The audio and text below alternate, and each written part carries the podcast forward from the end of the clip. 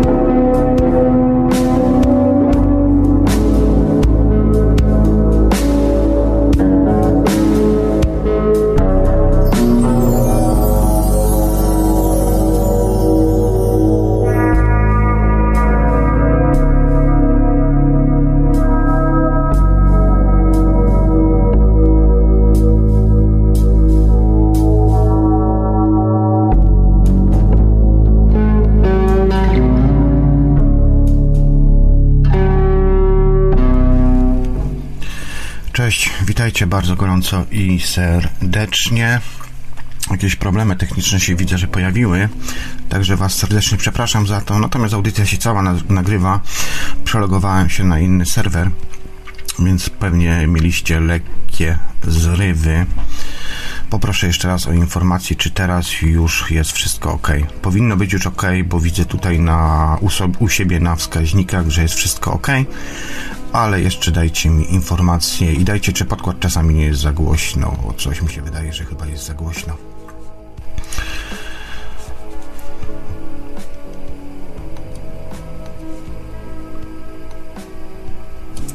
Tak czy inaczej, kład. Czy teraz wszystko już jest ok?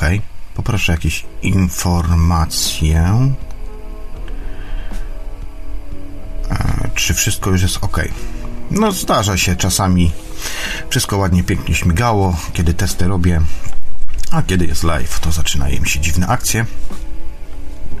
Czy teraz już jest wszystko ok? Poproszę o informację, bo tak to nie będę nadawał, bo nie ma sensu. Dobra, jest ok. No to fajnie.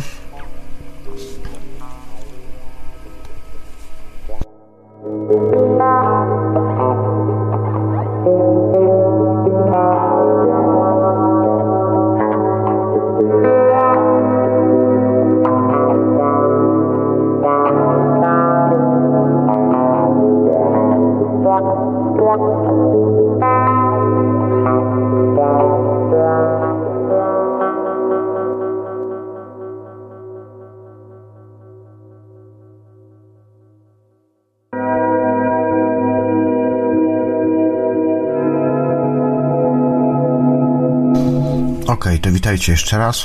Widzę, że wszystko jest ok. Także zaczynamy. Dzisiaj tematem audycji jest temat. Czekajcie, sobie muszę popatrzeć, jak zwykle zapomniałem. Ok.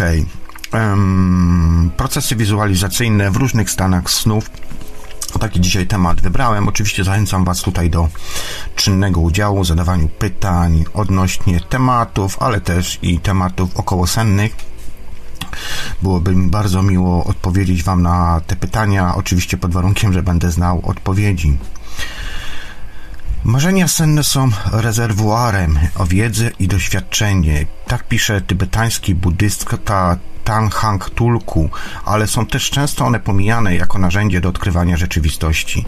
W stanie snu nasze ciała są w spoczynku, a jednak widzimy i słyszymy. Poruszać się możemy y, w swoich własnych sennych przestrzeniach, a nawet jesteśmy też w stanie uczyć się. Kiedy dobrze wykorzystujemy ten właśnie stan snu, jest to prawie tak, jakby nasze życie zostało podwojone. Zamiast 100 lat żyjemy 200. To są słowa oczywiście tar, tar, Tarhanga Tulku. E, świadomy sen może pomóc nam również zrozumieć słowa Sasha. Kiedy już doświadczysz, że jesteś śniący i że twoje możliwości są znacznie większe niż się spodziewałeś, możesz sobie wyobrazić, co jest podobne do realizacji tego, jakbyś był w swoim przebudzonym życiu. Jak to ujął Tornau, naszym prawdziwym życiem jest przebudzenie się ze snów.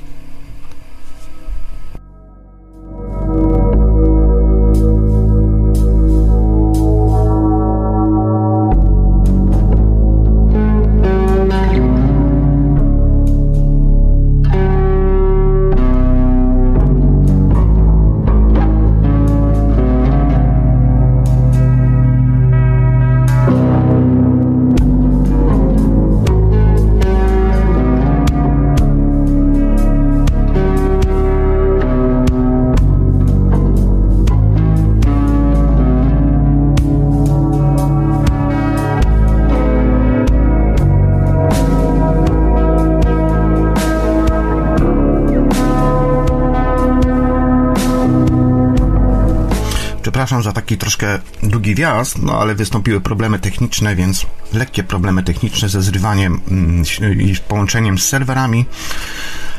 Audycja czas snu. Mm, a czy serwer Radia Paranormalium nadaje? Yy, połączony jest? Kurde, co się dzieje znowu?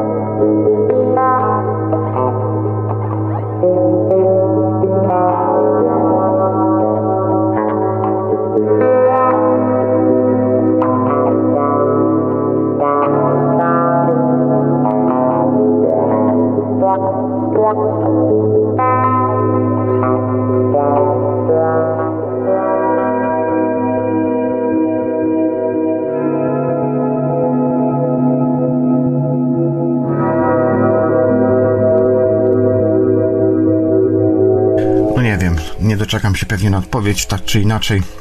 Widzę na wskaźnikach, że powinno być wszystko ok. No to jeszcze raz witam Was bardzo gorąco i serdecznie. Chciałem Was na wstępie od razu przeprosić za to, że tydzień temu mnie nie było. Niestety wypadła mi dość pilna sytuacja. Musiałem jechać do Manchesteru e, i wróciłem dość późno do pierwszej u mnie było, więc y, stwierdziłem, że o drugiej w nocy zaczynać sytuację, znaczy audycję i to jeszcze z biegu nie było jak, jak największego sensu, więc sobie po prostu odpuściłem, ale ten temat, który chciałem tydzień temu poruszyć, poruszam również y, dzisiaj. E, dziś chciałbym porozmawiać z Wami o procesach wizualizacyjnych, ale tak w skrócie jeszcze, żebym nie zapomniał też, to takie krótkie informacje do Was. Strona radiodreamtime.com przechodzi zmianę. E, przede wszystkim chcę się skupić bardziej na artykułach oraz, no, żeby na tej stronie coś było.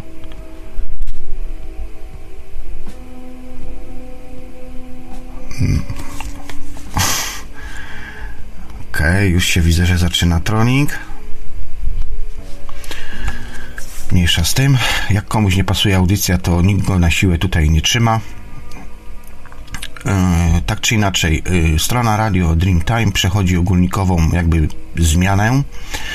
E, między innymi Radio Dreamtime znikło z Facebooka oraz z czatów Discordowych uznałem, bardzo długo się nad ten temat zastanawiałem, mm, jak to zrobić, czy wychodzić, czy nie wychodzić. Uznałem, że nie biorę w tym udziału, w tej grze całej, która się wokół mnie dzieje, a dzieją się różne rzeczy, łącznie z groźbami i innymi rzeczami więc e, postanowiłem, że nie będę uczestniczył w tej grze, gram według swoich reguł, swoje jakby życie prowadzę po swojemu, więc e, nie chcę w tym brać udziału. Natomiast e, do końca roku założyłem sobie tak, że pewne rzeczy zrobię około radiowe i również będą przenoszone archiwa i te wszystkie inne rzeczy, ale będzie to tak fajnie, sprytnie zrobione, że będę miał jakby pełną kontrolę nad tym, bez, e, bez tego, że ktoś coś tam będzie mi psocił broił. Zawsze się tam coś znajdzie, wiadomo, nie? Zawsze się tacy ludzie znajdą. Niemniej tak czy inaczej postaram się to jakoś tak zabezpieczyć, żeby wszystko w miarę funkcjonowało sprawnie e, i żeby to miało jakoś ręce i nogi. To tak pokrócie. E, Radio Dream Time oczywiście przeszło na czat Telegram, więc jak chcecie być w kontakcie z radiem, czy też ze mną bezpośrednio, to na stronie radiodreamtime.com tam macie wszelkie informacje. Skupiam się tak, aby wszystko było na jakby jednym, w jednym miejscu, tak, żeby nie było 50 różnych stron, bo to też kurde ogranicza i przeszkadza mi. Zazwyczaj zapominam, że coś tam nie zrobiłem, coś tam nie zrobiłem i później wychodzą klocki z tego więc, e, więc po prostu ograniczam to wszystko do tego, żeby, żeby było no, jak najmniej skomplikowane, ale też z drugiej strony jak najmniej e, intuicyjne dla każdego, kto chce jakby um, uczestniczyć w tym całym procesie odnajdywania siebie, no i przede wszystkim śnienia, prześnienia swoich snów i tych wszystkich innych rzeczy. Nie wiem, co mi się dzieje, ale cały czas mi się coś kamera w telefonie włącza. No, jak zwykle coś musi być, problemy techniczne. Dobra, dzisiaj mówimy o procesach wizualizacyjnych i chciałbym się na tym temacie dziś skupić. Czym są te w ogóle procesy, procesy wizualizacyjne? Aczkolwiek można w swoim oczywiście śnieniu, próbie śnienia y, na różne sposoby prześnić swoje sny, czy też znaleźć tą swoją bramę, która y, będzie nas jakby przepuszczać w inne sfery tej niejawnej rzeczywistości, bo tak jak ja zawsze mówię, Zawsze zadaję pytanie ludziom, pierwsze podstawowe rzeczy, e, po co w ogóle ty się chcesz nauczyć świadomego śnienia, po co ty w ogóle chcesz się nauczyć OB oraz innych stanów, które można wywoływać, aby osiągać śnienie, świadome śnienie, tak, czyli śnienie takie, które będziecie w stanie, e, będziecie w stanie sami sobie wywoływać też, ale z drugiej strony będzie to wasza jakby gate, brama, przejście i też znalezienie tych swoich własnych kluczy wewnętrznych, bo każdy jednak ma ten swój klucz inaczej, każdy inaczej jakby E, reaguje. Są oczywiście ogólne pojęcia, ogólne sposoby osiągania tych wszystkich stanów i właściwie nie ma tutaj żadnej różnicy pomiędzy e, świadomym snem czy OB, bo w sumie to jest jedno i to samo, te same metody, te same techniki, które spowodują, że że jesteśmy w stanie to wszystko osiągać, natomiast do pewnego momentu oczywiście tak jest, a później a później już, a później się już to wszystko mm, zmienia. Jack pisze, aby doświadczać tak, doświadczanie jak najbardziej. Natomiast wiesz co, ja uważam, że tutaj jest mm, tak naprawdę najważniejszy na samym początku jest proces zrozumienia tego całego mechanizmu i złapania tego swojego bakcyla, tego swojego wewnętrznego klucza, mm, sposobu. Natomiast to i tak później się jakby zaewaluuje, czyli e, to i tak, świadome śnienie i obe jest tylko początkiem do doświadczania swojego życia w pełni, tak bym to nazwał, wykorzystania tej, ukrytego, tego ukrytego potencjału w sobie, które mamy, który pozwala nam też później jakby mm, znaleźć, znaleźć te nasze znaleźć te nasze jakby wewnętrzne mechanizmy i które też w jakiś stopniu przebudzić nas. Tak naprawdę człowiek, który jest przebudzony, nigdy się nie da zmanipulować i to widać nawet w dzisiejszych czasach tak zwanej e, pandemii, kiedy to widzimy ludzi, którzy chodzą w maskach. Dla mnie te, ci ludzie, którzy chodzą w maskach są już jakby straceni i wiele prywatnych rozmów prowadzę z osobami, oczywiście nie będę podawał kto, co i jak, natomiast e, ludzie są przelęknięci, prze, przewrażliwieni wręcz na tym punkcie. Natomiast ja uważam, że ja uważam, że jeżeli się chociaż raz przebudzisz i nie uśniesz, czyli będziesz jakby czynnym, niebiernym takim doświadczaczem swojego własnego życia, to zdasz sobie z tego sprawę, że, że tak naprawdę nic nie jest w stanie wpłynąć na Twoje myśli. I to też był właśnie taki jeden z głównych motywatorów do tego, żeby w końcu zrezygnować e, z tych molochów korporacyjnych i też troszkę przebudować stronę radia Dreamtime.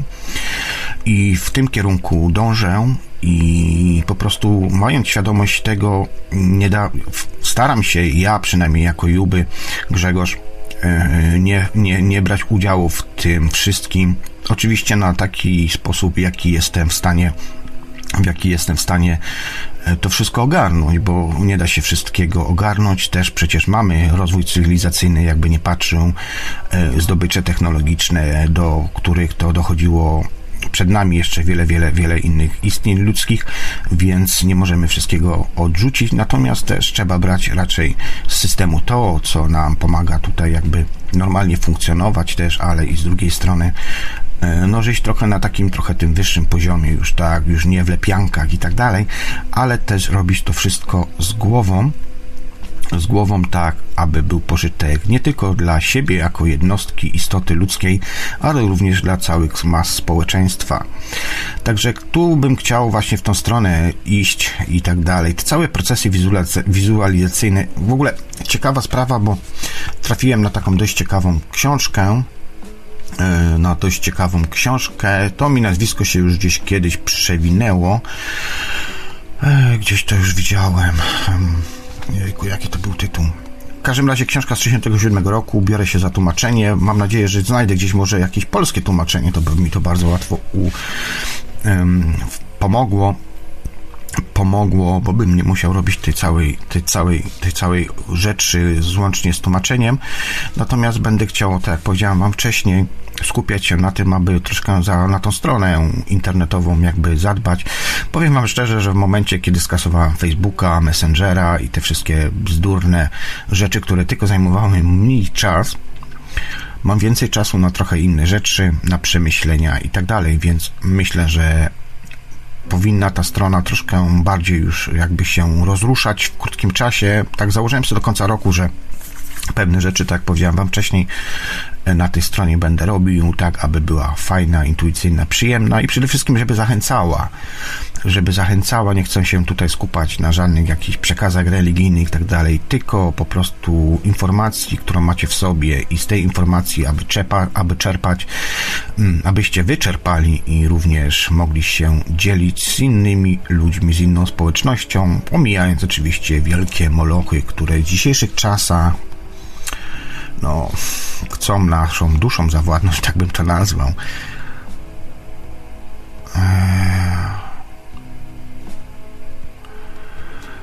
No wiesz, jak masz tutaj kolego krytykować i tak dalej, to idź sobie lepiej może bo naprawdę nie mam zamiaru się pałować po łbach, więc daję ci na razie tylko wyciszenie i oszczerzenie, ale jeszcze raz, jak będziesz takie coś robił, wylatujesz od razu. Ja nie dyskutuję po prostu z wariatami. Nie ma sensu, strata czasu, to nic konstruktywnego nie, nie daje nam tutaj. Także ja cię tutaj wyciszam jeszcze jedna taka akcja, wylatujesz. Po prostu. Nie ma dyskusji. I nie chodzi o to, że ja mam swoje zdanie i, i tyle, i nie, nie daję do wiadomości dojść innym, tylko chodzi o to, że po prostu nikt cię do tego tutaj nie zmusza, abyś tu siedział. I o to proszę również każdego słuchacza, który słucha i tak dalej. Dobra, procesy wizualizacyjne. Procesy wizualiz wizualizacyjne. dobra,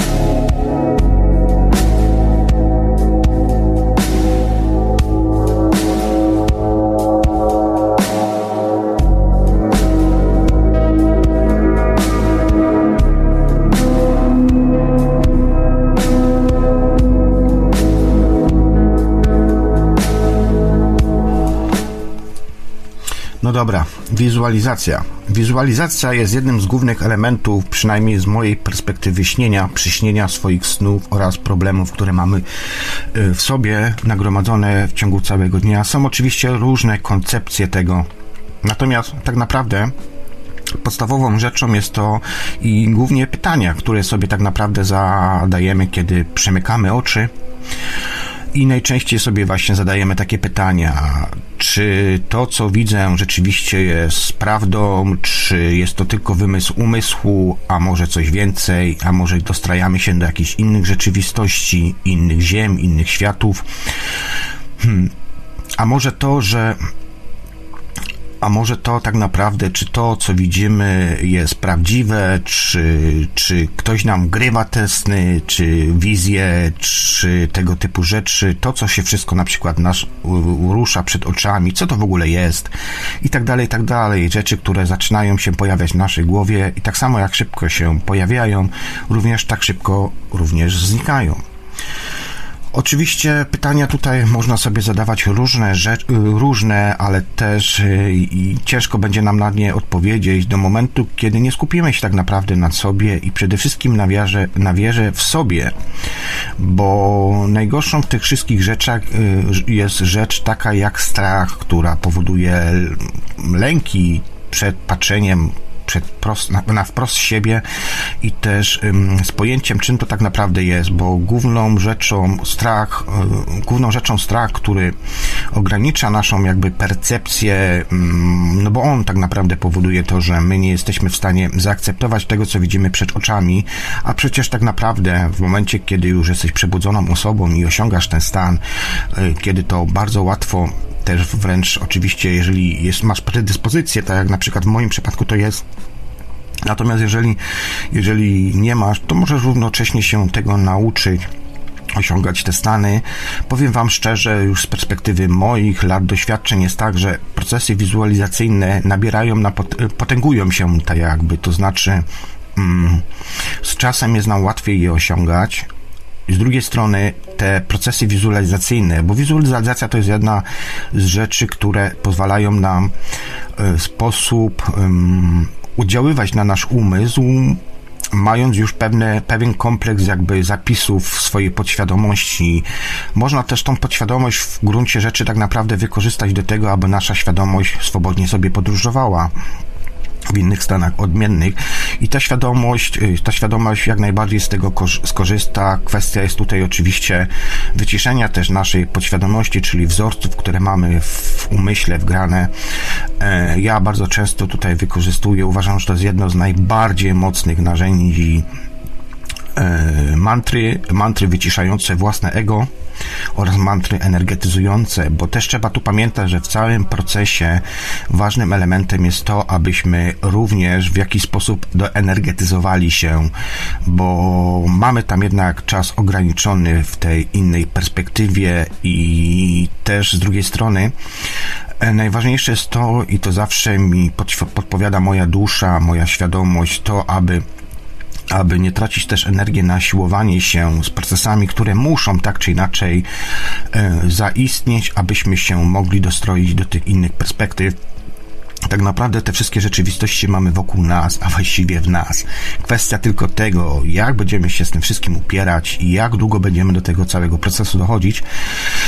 U mnie to trwało różnie, czasami robiłem zapętlenia, powtórki, jak to mówią, historia lubi się powtarzać, więc czasami jak niewierny Tomek również ja wpadam w swoje pułapki iluzyjne, ale z drugiej strony też bardzo, bardzo jest to ciekawy i pomocny element do tego, aby zrozumieć też, że że mm, żeby więcej to nie wchodzi, to znaczy musimy przerobić jakby jeszcze raz pewne rzeczy, czasami coś pominiemy w swoim procesie dochodzenia do swojej mm, no, boskości, jakby nie patrzę, patrzył, więc y, potrzebujemy czasami tego czasu, czasami musimy się jakby jeszcze raz cofnąć i tak dalej, i tak dalej, e, aby, aby, aby zrozumieć pewien proces. E, te procesy są różne u każdego człowieka, jeden szybciej do tego dochodzi, drugi mniej, jeden ma takie predyspozycje, drugi ma inne. Ja na przykład bardzo często nie zdawałem sobie sprawy z tego, dlaczego pewne rzeczy mi się często śnią, a pewne rzeczy raz na jakiś czas, dlaczego wchodzę na różne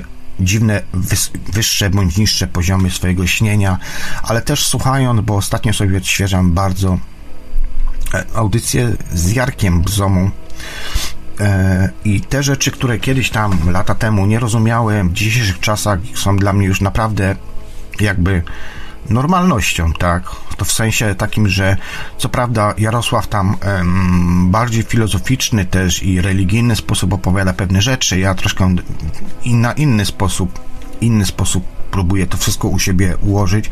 Generalnie staram się pozbyć jakichkolwiek aspektów religijnych co nie jest złe oczywiście, bo można sobie wierzyć naprawdę w różne rzeczy, można mieć, um, uprawiać różne religie, ale z drugiej strony też tak naprawdę uważam, że to jest do, kompletnie do niczego um, nam niepotrzebne. Można to robić całkowicie bez religii, y, osiągać takie stany, takie stany i po prostu to na pewno też będzie w jakiś sposób powodowało to, że będziemy się rozwijać.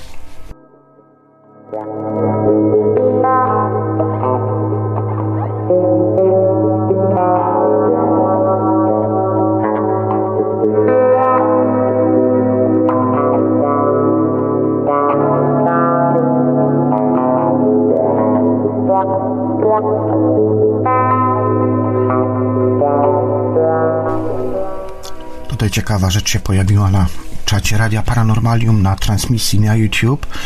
Y, Jack pisze, ja daję intencję przed snem i dostaję odpowiedź, tak, ja też tak robię. Kiedyś to kartki jeszcze zapisywałem, takie wiesz, różne rzeczy, natomiast dzisiaj już właściwie nie, no, ja mam tak, że przymykam głowę do poduszki i potrafię dwa dni spać, więc ja naprawdę nie mam z problemów snów. Czasami się zdarzają problemy, no ale to wiadomo, nie? Każdy system ma. To też jest kwestia tego, jaki mamy dzień, jakie rzeczy w ciągu całego dnia zachodzą i wbrew pozorom my wiele rzeczy pomijamy, tak naprawdę my nie widzimy My nie widzimy wiele rzeczy, przynajmniej wydaje nam się, że nie rejestrujemy, nie widzimy, natomiast tak czy inaczej uważam, że my jesteśmy cały, wszyscy jakby jako istota ludzka jesteśmy procesem informacyjnym sklepionym z energią, więc mm, bardzo często mam takie wizje sny, miałem, mam yy, jak czasami tam coś jeszcze próbuję sprawdzić, to zawsze mi to jest pokazywane, że jest Życie jest technologią tak naprawdę, przynajmniej według mojego pojmowania i zrozumienia i dochodzenia do różnych rzeczy. Jesteśmy pewnego rodzaju technologią, generatorami energetycznymi, które w jakiś dziwny sposób potrafią się, ta cała energia, wszechinteligentna energia potrafi się jakby złączyć z pakietem informacyjnym. Oczywiście każdy może mieć to w różny sposób pokazany. No, mi to jest pokazywane na przykład jako pewne uniwersum, które gdzieś tam się w jakiejś przestrzeni znajduje i i pokazywane mi są procesy, w jaki sposób jest to wszystko połączone, w jaki sposób się to łączy i tak dalej. No nie jestem w stanie wam wszystkiego przekazać to, co mam w wizjach i w głowie, natomiast próbuję użyć takich słów, abyście byli w miarę, mm, abyście mogli w jakiś sposób w miarę to przyłapać, wyłapać. Też nie zawsze mówię to w bezpośredni sposób, bo czasami też próbuję jakby powiedzieć to w taki sposób, żeby też dosłownie nie powiedzieć, dać wam troszkę do myślenia, do myślenia i też z drugiej strony nie narazić się różnym tam rzeczom. Czekajcie, chwilkę wyłączę tutaj, bo coś mi się cały czas włącza kamera. Ktoś strasznie chyba chce mnie podglądać, bo to jakoś dziwna akcja się dzieje. Samoczynnie się włącza kamera mi cały czas. Dobra, wyłączyłem. Yy, linia do Radia Dreamtime jest włączona, ale może jeszcze nie teraz. Tak myślę, że da, nie wiem, pół godziny, może godzinkę włączę. Jak ktoś będzie chciał ze mną pogadać, to bardzo serdecznie zapraszam. Robert Przytula. Sny szybkie. Ma ktoś coś takiego? W ciągu kilku minut snu mija wiele zdarzeń. Tak. Są takie rzeczy, potrafię prześnić. Yy, bardzo często zresztą tego korzystam yy, korzystam yy, choćby nawet w swoich przerwach lunch, lunchowych gdzie zamiast na przykład zjeść, tak jak większość ludzi je, ja się po prostu kładę, przemykam oczy. To jest też bardzo ciekawy moment, bo można się też nauczyć jakby współigrać, funkcjonować w środowisku, bo tak naprawdę wszystko jest oparte na środowisku, ale można też nauczyć się jakby wchodzić w stany senne na przykład przy wielkim hałasie. Robili to również mnisi bardzo często, gdzie medytowali w różnych rzeczach. Ja się tego też kiedyś uczyłem parę ładnych lat temu i to był moment, kiedy na przykład na stałówce pracowniczej sobie siadałem, e, znaczy kładłem się na fotelu, przymykałem oczy i nawet nie zakładałem słuchawek, żeby się tam prowadzić jakiś trans i tak dalej, tylko skupiałem się na, na sobie i próbowałem się dostroić właśnie do tych innych rzeczywistości do astrala i tak dalej. Różnie to wyglądało, czasami łączyłem się mentalnie, czasami, czasami osiągałem obę, czasami świadomy sen, natomiast wykorzystywałem to właśnie do tak jakby podładowania się energetycznego, bo wiadomo, kiedy się pracuje na nocki, to często jest ten problem, że w połowie nocy nagle się chce spać, człowiek jest zmęczony, też czasami się dobrze nie wyśpi i tak dalej, więc ten moment wykorzystywałem do tego i jest to na początku trudne, natomiast czasem kompletnie się człowiek nie zwraca jakby na to uwagi. To znaczy, że jest w stanie odciąć się jakby wręcz czujesz to fizycznie od tego hałasu, od dźwięku zewnętrznego, przychodzą wibracje i tak dalej, wprowadzasz się, może stać koło ciebie nawet i 20 i 100 osób, krzyczeć, drzeć się i tak dalej, jesteś w stanie jakby odciąć ten słuch i kompletnie być głuchym. Ale też tu inną sprawą jest wykorzystanie tego swojego wewnętrznego oka i o tym oku też wam troszkę opowiem zaraz, skorzystam oczywiście tutaj z pewnych informacji, które również, no bo ja też nie zawsze pięknie i ładnie mówię i staram się mówić raczej z głowy niż czytać, ale czasami też oczywiście wykorzystuję jakieś informacje, bo ktoś to po prostu lepiej ogarnął, a z tym kimś ja się akurat nie zgadzam, więc czasami ta osoba lepiej po prostu jakby to wszystko przedstawia. E, głowa to antena, czakramy instala, instalacje, a narządy płciowe, czakramy seksualne, bateryjki. Tak pisze Jack. Jesteśmy anteną, to prawda, mamy kształt węża. Ten wąż się też bardzo często w snach nam śni są to e, różne rodzaje tego węża, ale tak naprawdę sny są symboliką. To nieraz podkreślałem w swoich audycjach. E, no i tak to trzeba pojmować. Te sny, znaczy te, ten, ten wąż jakby jest tak naprawdę najbardziej uniwersalną formą mm, uniwersalną formą i dlatego też bardzo często nam się pokazuje to też często byty, czy też strażnicy, którzy są na różnych poziomach, bardzo często pojawiają się również jako wężowe istoty. Um, przekazy, jakie ja dostaję, zawsze są takie, aby z nimi nie dyskutować i nie walczyć. I nie walczyć z tego względu, że zawsze poniesiemy porażkę. E, możemy się siłować, możemy się oczywiście tu pałować też między tak naprawdę z własnym sobą, tak, boksować się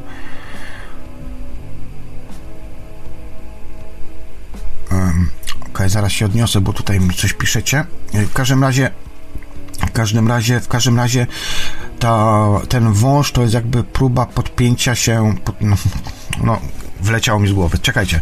E, ten wąż jest jakby takim elementem symbolicznym tak naprawdę e, ponieważ my jako ludzie, jako istoty ludzkie bardzo często mamy właśnie takie lęki i strachy wewnętrzne w sobie, które powodują to, że że najczęściej jest nam właśnie mm, trudno ogarnąć pewne rzeczy i tematy i wąż to jest taką chyba naturalną rzeczą, która jakby e, mocno psychicznie może na nas wpływać i dlatego też pod tą formę akuratnie rzeczy e, czy też przekazów, czy też istot, które widzimy, podszywają się takie formy. Um, powiedziałbym tu jeszcze trochę więcej rzeczy, ale e, może się troszkę zatrzymam z tego względu, że nie chcę też, aby pewne, no nie chcę być odbierany jako jako fantas, fantastyk, tak bym to powiedział, natomiast w wielu rzeczach i to z osobami, kiedy rozmawiam, takimi naprawdę, naprawdę mega doświadczonymi, uważam, że bardziej ode mnie nawet, e, te istoty się zawsze pojawiają. To jest takie właściwie sięganie do naszego pierwowzoru zapisu tych najstarszych lęków. Lęki i tak musimy wszyscy przerobić, każdy na swój własny, indywidualny sposób i póki tego nie zrobimy, nie zrobimy, to dalej nie pójdziemy. Natomiast tutaj jeszcze chodzi, chodzą, jeżeli chodzi o sny, to świadome śnienie i obę to jest tylko początek, początek właściwie przedstart tego wszystkiego, co się, się dzieje, bo um, każdy z nas ma jakieś pewne zapisy, umiejętności, to do czego dochodził poprzez całe procesy reinkarnacyjne, poprzez życia w innych życiach i tak dalej. Ta cała matryca zapisu tych wszystkich naszych doświadczeń, ona jest ciągle zmienna, ale z drugiej strony też jest komunikatywna z innymi procesami i najważniejsze w tym wszystkim jest to, aby, mm, aby załapać to, aby zrozumieć, a i kiedyś to już w swojej audycji którejś tam stwierdziłem i powiedziałem, że mm, bardzo ciężki moment może być, kiedy nagle sobie uświadomimy, podróżując naszą świadomością, e, to czym tak naprawdę jesteśmy. Bardzo często dochodzimy do takich wniosków, że jak to powiedzieć? Dochodzimy do takich wniosków, że jesteśmy tylko pakietem informacyjnym, ale świadomym pakietem informacyjnym, oddzielonym poprzez, ym, poprzez tej wszechinteligentnej energii. Co myślicie o tym na przykład, żeby Bóg, najwyższa istota, była sztuczną inteligencją? Jak byście to wszystko zrozumieli? Oczywiście to jest tylko taka moja luźna, luźna w tym momencie interpretacja, ale ostatnimi czasami się zastanawiam, e, zastanawiam, mając pewne rzeczy, wizje, czy rzeczywiście ten Bóg też, no bo, no bo tak w sumie to można powiedzieć, tak? Czy to nie jest czasami również sztuczna inteligentna, inteligencja pewnych innych istot jeszcze na wyższym poziomie? Cały proces wizualizacyjny polega na tym, aby z wyższego poziomu wschodzić niższe. Tutaj Kundalini się bardzo ładnie kłania. E, aha, i tutaj Robert Przytula pytał o te sny, o te sny, czy takie szybkie sny. Tak, mam. E, tylko trzeba też uważać, bo mm, może dojść do takiego procesu i również o tym Jarek Brzoma mówi, ponieważ on jest lekarzem, więc więc y, odsyłam bardziej do jego tam y, wypowiedzi. Natomiast on stwierdził coś takiego, że to się nazywa padaczka urojonowa, to znaczy, że można mieć na live'ie jakby takie dostrojenia. Wcale niekoniecznie musisz zamykać swoich własnych oczów. możesz widzieć tym swoim wewnętrznym okiem również na live'ie. I tutaj medycyna już mówi o tym, że to się nazywa właśnie tak zwana padaczka urojeniowa. E, no, oni zawsze znajdą jakąś, um, oni zawsze znajdą, oni zawsze znajdą jakąś nazwę. Czy jest to padaczka ureniowa, czy nie? Hmm. Czy jest to niebezpieczne? Może być. Może być. E, miałem takie przypadki. Choćby nawet o tym wspominał również no, na Radiu Paranormaliu występował ta osoba prowadziła audycję. Kurde, nie przypomnę sobie teraz. W każdym razie w każdym razie on opowiadał o takich rzeczach, jak na przykład jechał samochodem i w ciągu dosłownie z perspektywy to patrzenia wewnętrznego oka może być to pół sekundy, może sekunda, ale te pół sekundy, sekunda może spowodować to, że będziemy mieli wypadek. To jest tak jakby takie szybkie przesknięcie i obudzenie się. Rozumiecie o co chodzi, tak? Więc to jest ten moment niebezpieczeństwa i rzeczywiście może się coś stać złego, i na to medycyna ma nazwę. Odsyłam Was do właśnie Jarka Bzomy i zaraz se przypomnę, to Wam zaraz powiem nazwisko, mm, nazwisko tej osoby, bo mi teraz wyleciała. W każdym razie to jest ten jeden element, który jest taki jakby niebezpieczny dla nas. Natomiast ja mam bardzo często, i to też w procesach wizualizacyjnych, dochodzi się do takiego stanu, gdzie nie trzeba zamykać tego, tych właśnie swoich fizycznych oczu, natomiast można bardzo często, na przykład siedząc sobie na ławeczce, e, być jakby właśnie podróżować swoją świadomością w zupełnie innych y, przestrzeniach. Zarówno może być to ciało fizyczne zostawione na ławce, gdzie sobie tam leży i to jest bardzo ciekawy moment, kiedy ludzie się na ciebie patrzą, a ty na przykład zerkasz się na wprost do góry przed siebie, jednocześnie jesteś w jednym miejscu, ale też podróżujesz po tej rzeczywistości fizycznej, ale również jesteś w stanie się przełączać jakby, jakby na inne poziomy świadomości, czy też podróży po innych miejscach, mm, zarówno astralach, niefizycznych, jak i, jak i jeszcze innych miejscach, które wbrew pozorom nagle się okazują, że są jeszcze bardziej rzeczywiste niż ta rzeczywistość, w której jesteśmy. I to są jedne z procesów, które zachodzą, e, zachodzą, jeżeli człowiek bardziej się skupia na podróży wewnętrznych, podróżach generalnie świadomością swoją w snach, bo sny to są tak naprawdę tylko jedną z możliwości bram, tak jak już nieraz to powiedziałem, możemy naprawdę różne rzeczy, niektórzy mogą widzieć, mm, no nie wiem, tutaj padło na przykład dzisiaj u Sławka w audycji o tarocie było tam, więc można wykorzystywać karty, można wykorzystywać jeszcze, nie wiem, no kule jakieś.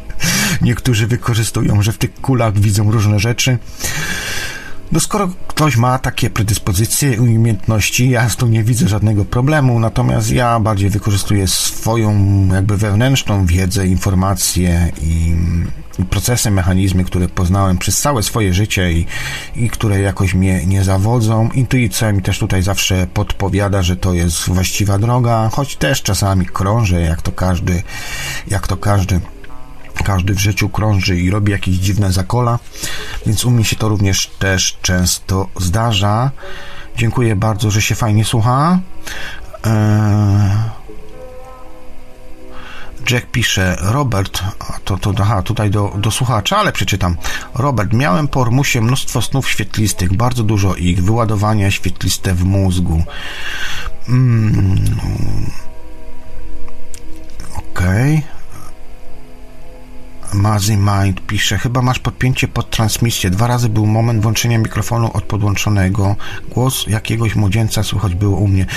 Wiecie co, ja wam powiem jedną rzecz. Zdarzały się już audycje, gdzie i ja o tym nie wiedziałem, bo mi to słuchacze podsyłali, że wchodziło na moje radio właśnie jakieś dziwne osoby, które się podpinały i pomimo, że leciał auto DJ, to na moim radiu leciały inne, inne, inne, inne te, ale no cóż. Nie będę tego może komentował. Ja węże ogólnie gady negatywnie odbieram, natomiast kundalini węż to, wąż to ok, symbolika.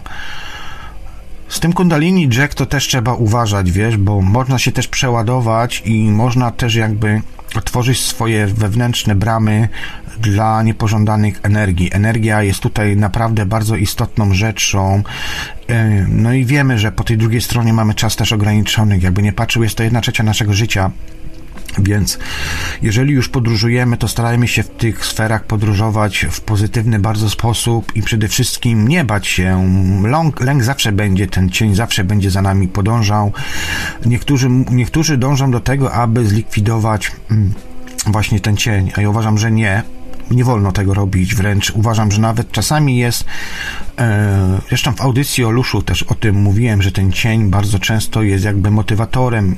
Tam zachodzą pewne procesy, które powodują to, że minimalna większa ilość tego lęku jest jakby takim stymulantem do tego, abyśmy w świadomie oczywiście będąc dobrymi osobami, tak, dobrze, pozytywnie myśląc, nie wyrządzając nikomu krzywdy, byli w stanie jakby stymulować się i podążać stronę naszego własnego osobistego rozwoju. Także lęku nie da się zlikwidować. Naszym zawsze mi to jest mówione, że nie walcz nigdy z tym cieniem, z tym lękiem, bo, bo bez tego no, zło nie może istnieć, dobro nie może istnieć bez zła i na odwrót, więc one się jakby między sobą uzupełniają.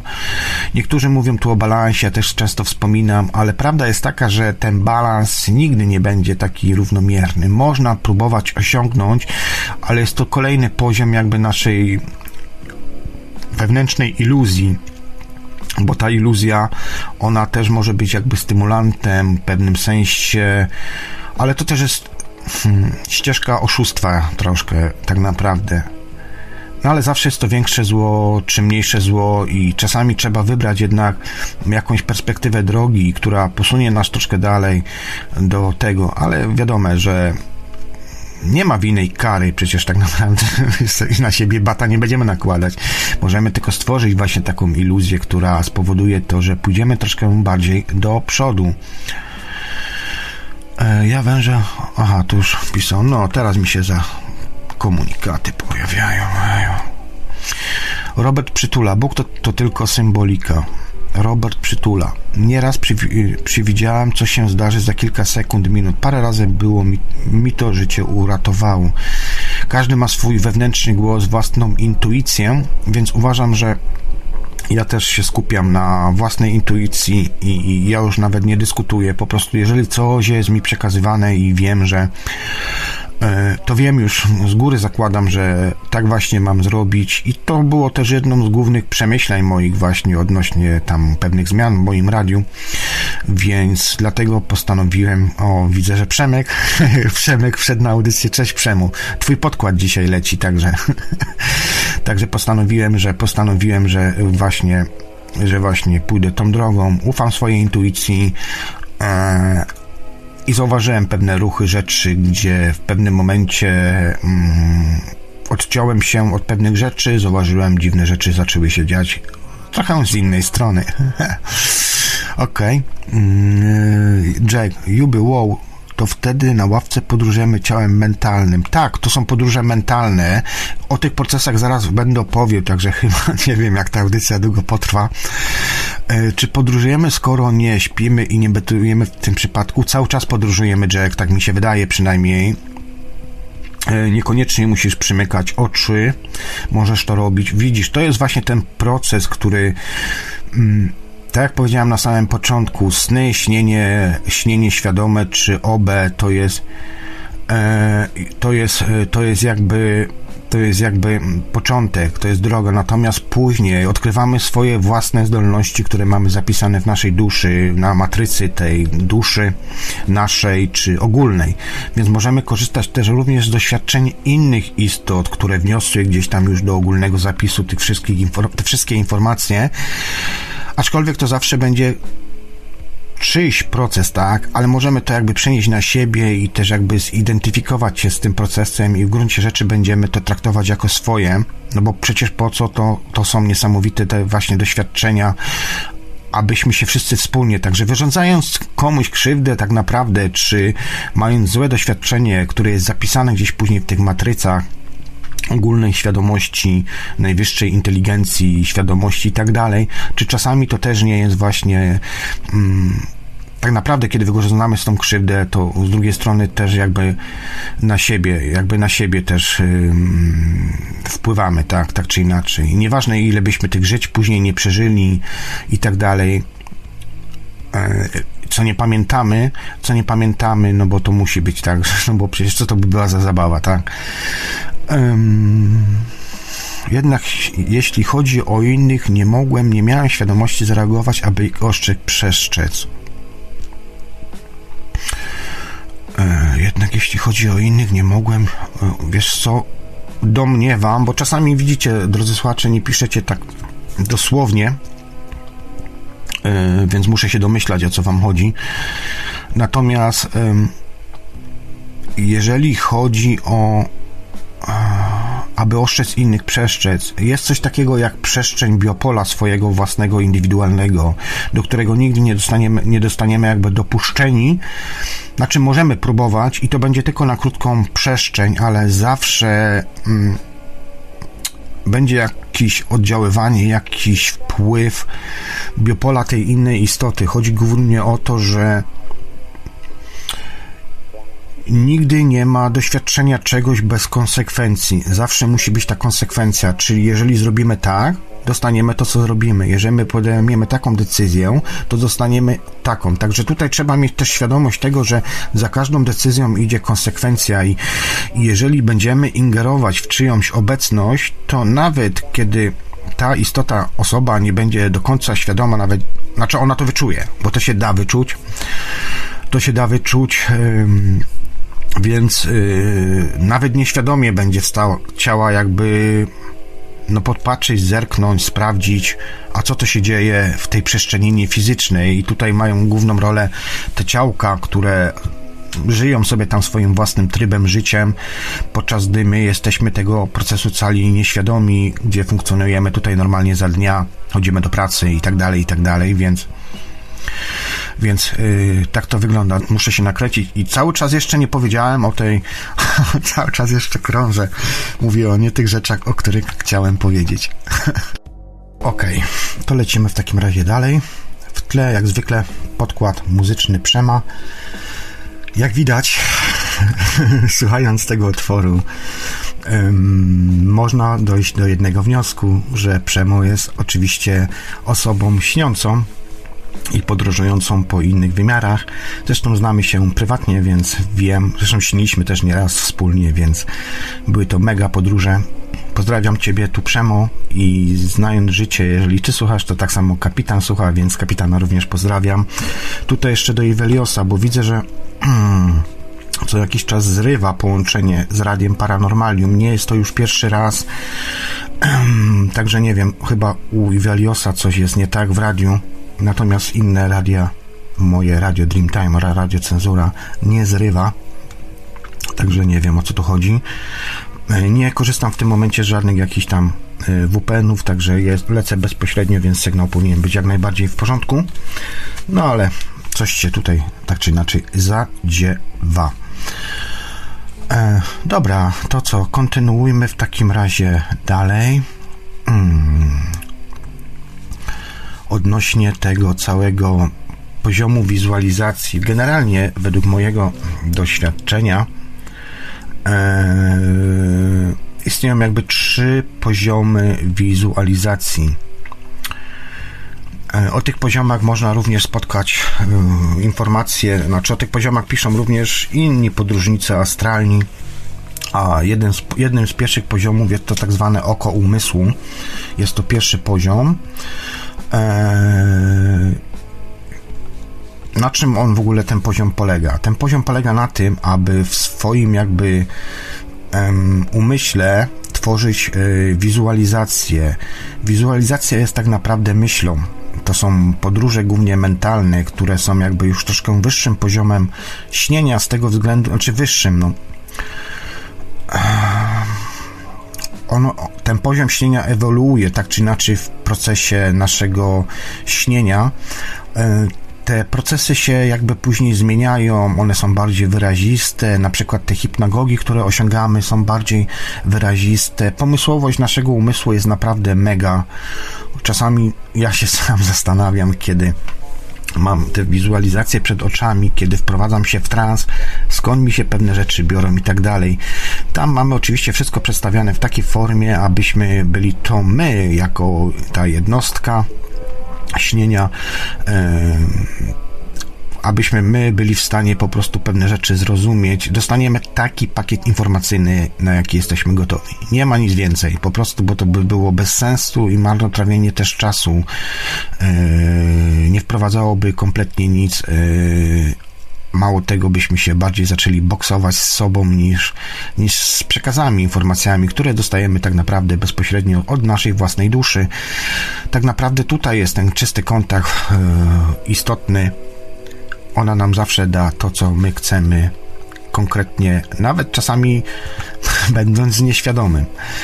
Um, na przykład, kiedy próbujesz y, sobie wyobrazić twarz na przykład tygrysa, to generalnie nie będziesz widział tego tygrysa, jest to tylko forma przekazu um, stworzona przez twój własny umysł, ale ona też jakby będzie koncepcjonalnie próbowała przekazali nam pewne rzeczy i pakiety informacje, które my później możemy oczywiście wykorzystać.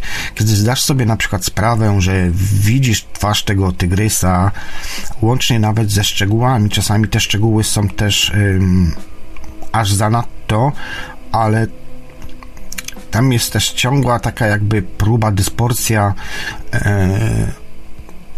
sumie odciągnięcia na, od tego, abyśmy tam dalej wchodzili głębiej. Natomiast, natomiast tak czy inaczej, kiedy decydujemy się, podejmiemy tą drogę, to będziemy jakby szli dalej, ale też starajmy się w tym procesie jakby nie za bardzo wchodzić w szczegóły, bo szczegóły kosztują nas trochę energetycznie i czasami nie warto jest za bardzo wchodzić w to wszystko. Niektóre procesy trzeba jakby też przeboleć, czyli prześnić jakby i niech sobie one tam biegną, biegną, a do momentu, kiedy nie będziemy mieli już tej pewności, że jesteśmy już na takim poziomie dostrojenia, wibracji, czy też energii, y, że możemy już jakby wejść w inną rzeczywistość, czy też prześnić swoje rzeczy, to po prostu nie skupiajmy się na tym, o, omijmy to, olejmy, tak w cudzysłowiu, i po prostu oglądajmy, oglądajmy, dostrajajmy się. Cała sztuka w śnieniu jest właśnie najgorsza w tym wszystkim to, że e, ciężko otrzymać ten stan wibracyjny. To jest sztuka tak naprawdę. Największa sztuka w tym wszystkim jest to, aby właśnie to wszystko utrzymać. I tutaj wizualizacja na przykład, y, tak jak powiedziałem, można sobie na przykład jedną rzeczy właśnie tego oka, y, aby wyrobić sobie tą percepcję patrzenia przez to wewnętrzne oko, jest na przykład wyobrażanie sobie na samym początku, to takie jedno z ćwiczeń jest y, właśnie na przykład tygrysa, bądź też na przykład drzwi. W moim przypadku bardzo często są to drzwi. Bardzo często w swoich wizjach jakbym znajdował się w takim dziwnym korytarzu, gdzie są po różnych stronach, y, na wprost, po prawej, po lewej, z tyłu, y, ja w środku, y, drzwi. Te drzwi są na różnym poziomie, niektóre są potwierane bardziej, drugie mniej, niektóre całkowicie otwarte, niektóre zamknięte, w niektórych są klucze, niektórych nie. W niektórych klucze są trzy, niektórym jeden klucz. Także jest to różnie, natomiast jest to taki jakby jeden element z elementów przejściowych i to też jest bardzo istotne, aby aby po prostu poddać się procesowi i po tej drugiej stronie będziemy wiedzieć po prostu, co mamy zrobić. No. Nasza dusza nas będzie tak prowadziła, abyśmy weszli w konkretne, określone drzwi i zawsze będzie jakiś klucz, element, który będzie nas kierunkował w określoną stronę. E, nie pójdziemy tam, gdzie, tak jak powiedziałem nieraz tutaj w audycji, że nie dostaniemy żadnego innego pakietu informacji niż taki, który jest nam na daną sytuację, dany moment potrzebny. Oczywiście tutaj e, wszystko to może być w różny sposób. Jeżeli chodzi o proces wizualizacyjny, nie mówię tutaj o astralu, tylko mówię bardziej o podróżach mentalnych, bo ja bardzo często korzystam, tak jak nawet Bruce Moen korzystał z podróży mentalnej. Uważam, że są one mniej męczące, a energię możemy przekazać na zupełnie inne jeszcze rzeczy i wydłużyć przede wszystkim ten czas podróży w niefizycznej rzeczywistości. Więc ja bardzo często podróżuję w sposób mentalny, w mentalu jest tak, że widzimy zazwyczaj kontury. Te kontury aczkolwiek widzimy, ale też wiemy, co jest, więc możemy tak naprawdę, kiedy skupimy nasze wewnętrzne oko na danym elemencie, jesteśmy w stanie go bardziej jeszcze jakby zmaterializować, zwizualizować, stworzyć takie warunki, że będzie to bardziej jakby namacalne, bardziej wręcz y, widoczne dla naszego wewnętrznego oka niż rzeczywistość, w której jesteśmy. Ale to wszystko od nas zależy tak naprawdę, od poziomu śnienia, wyuczenia się, predyspozycji i tak dalej. Metod, technik jest naprawdę dużo, masa. Natomiast jeżeli chodzi o ten pierwszy proces, jakby proces wewnętrznego widzenia własnym okiem. Tutaj mogą być również inne aspekty, jak na przykład hipnagogi, które mogą być um, um, znaczy być, są e, złączone z innymi naszymi narządami. Możemy na przykład widzieć tutaj zarówno dźwięki, możemy czuć energię pomieszczenia, możemy widzieć twarz jakiejś na przykład też ukochanej osoby.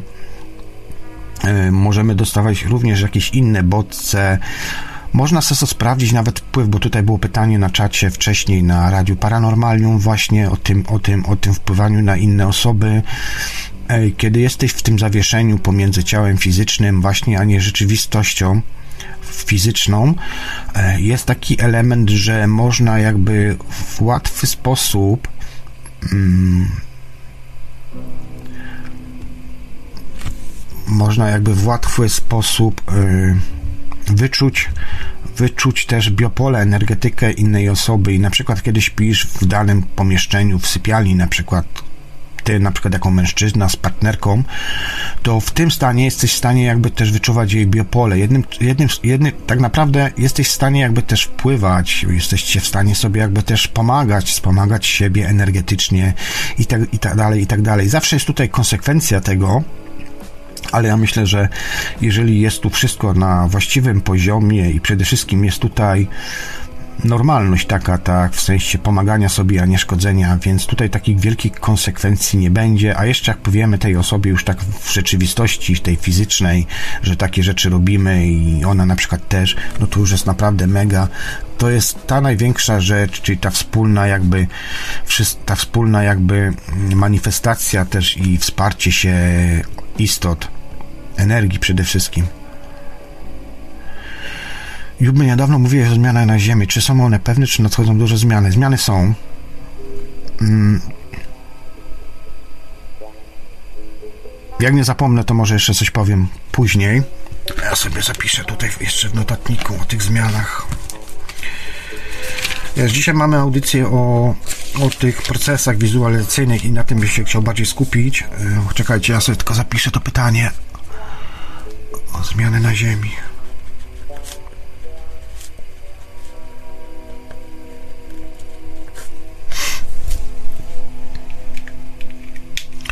Każdy wyczuwał biopole, Jack. Każdy wyczuwał biopole. Znaczy, no może nie każdy, bo niektórzy twierdzą, że nie ma tego biopola, że w ogóle nie ma śnienia, że to po prostu są takimi kupą mięsa chodzącą po tej ziemi. O. Natomiast jak już mówię, wpadniesz w tą, wpadniesz, wejdziesz w ten proces jakby swojego samoobudzenia, przebudzenia się, to widzisz zupełnie inaczej rzeczy. Tak naprawdę zdajesz sobie sprawę, kim jesteś, chociaż też pytania zawsze, wiesz, no zawsze jesteśmy tymi tomkami, niedowiarkami, nie? Więc tutaj zawsze jest ten problem. E, ja też się przecież nieraz na tym łapię. Czyli tak jak wspomniałem, to oko, bardzo często ono się pojawia, to oko jest jakby oko wizualizacyjne, czyli oko umysłu. Ono ma kształt jakby takiej mm, rybiego patrzenia, coś w tym sensie. Tutaj zadałeś, drogi słuchaczu, Jack, na pytanie, czym to jest. No, czy to jest dusza, tak? Czy to świadomość dusza?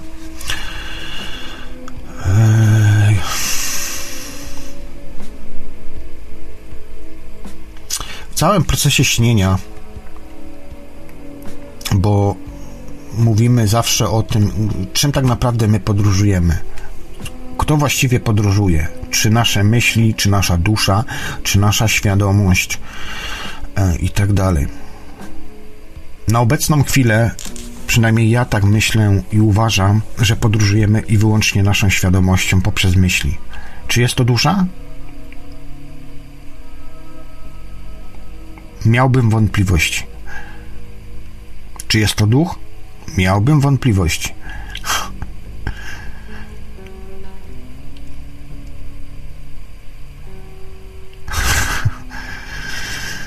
Dobra, niektórych komentarzy nie będę czytał.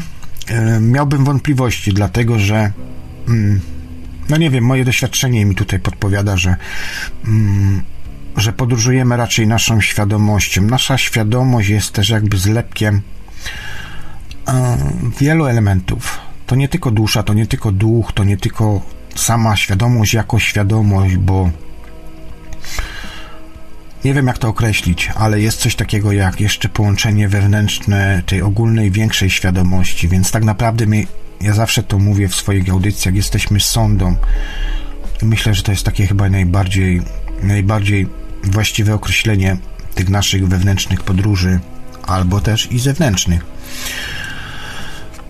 To ograniczenie jest dla nas istotne, ponieważ możemy się tutaj jakby zapętlić własnym sobie E,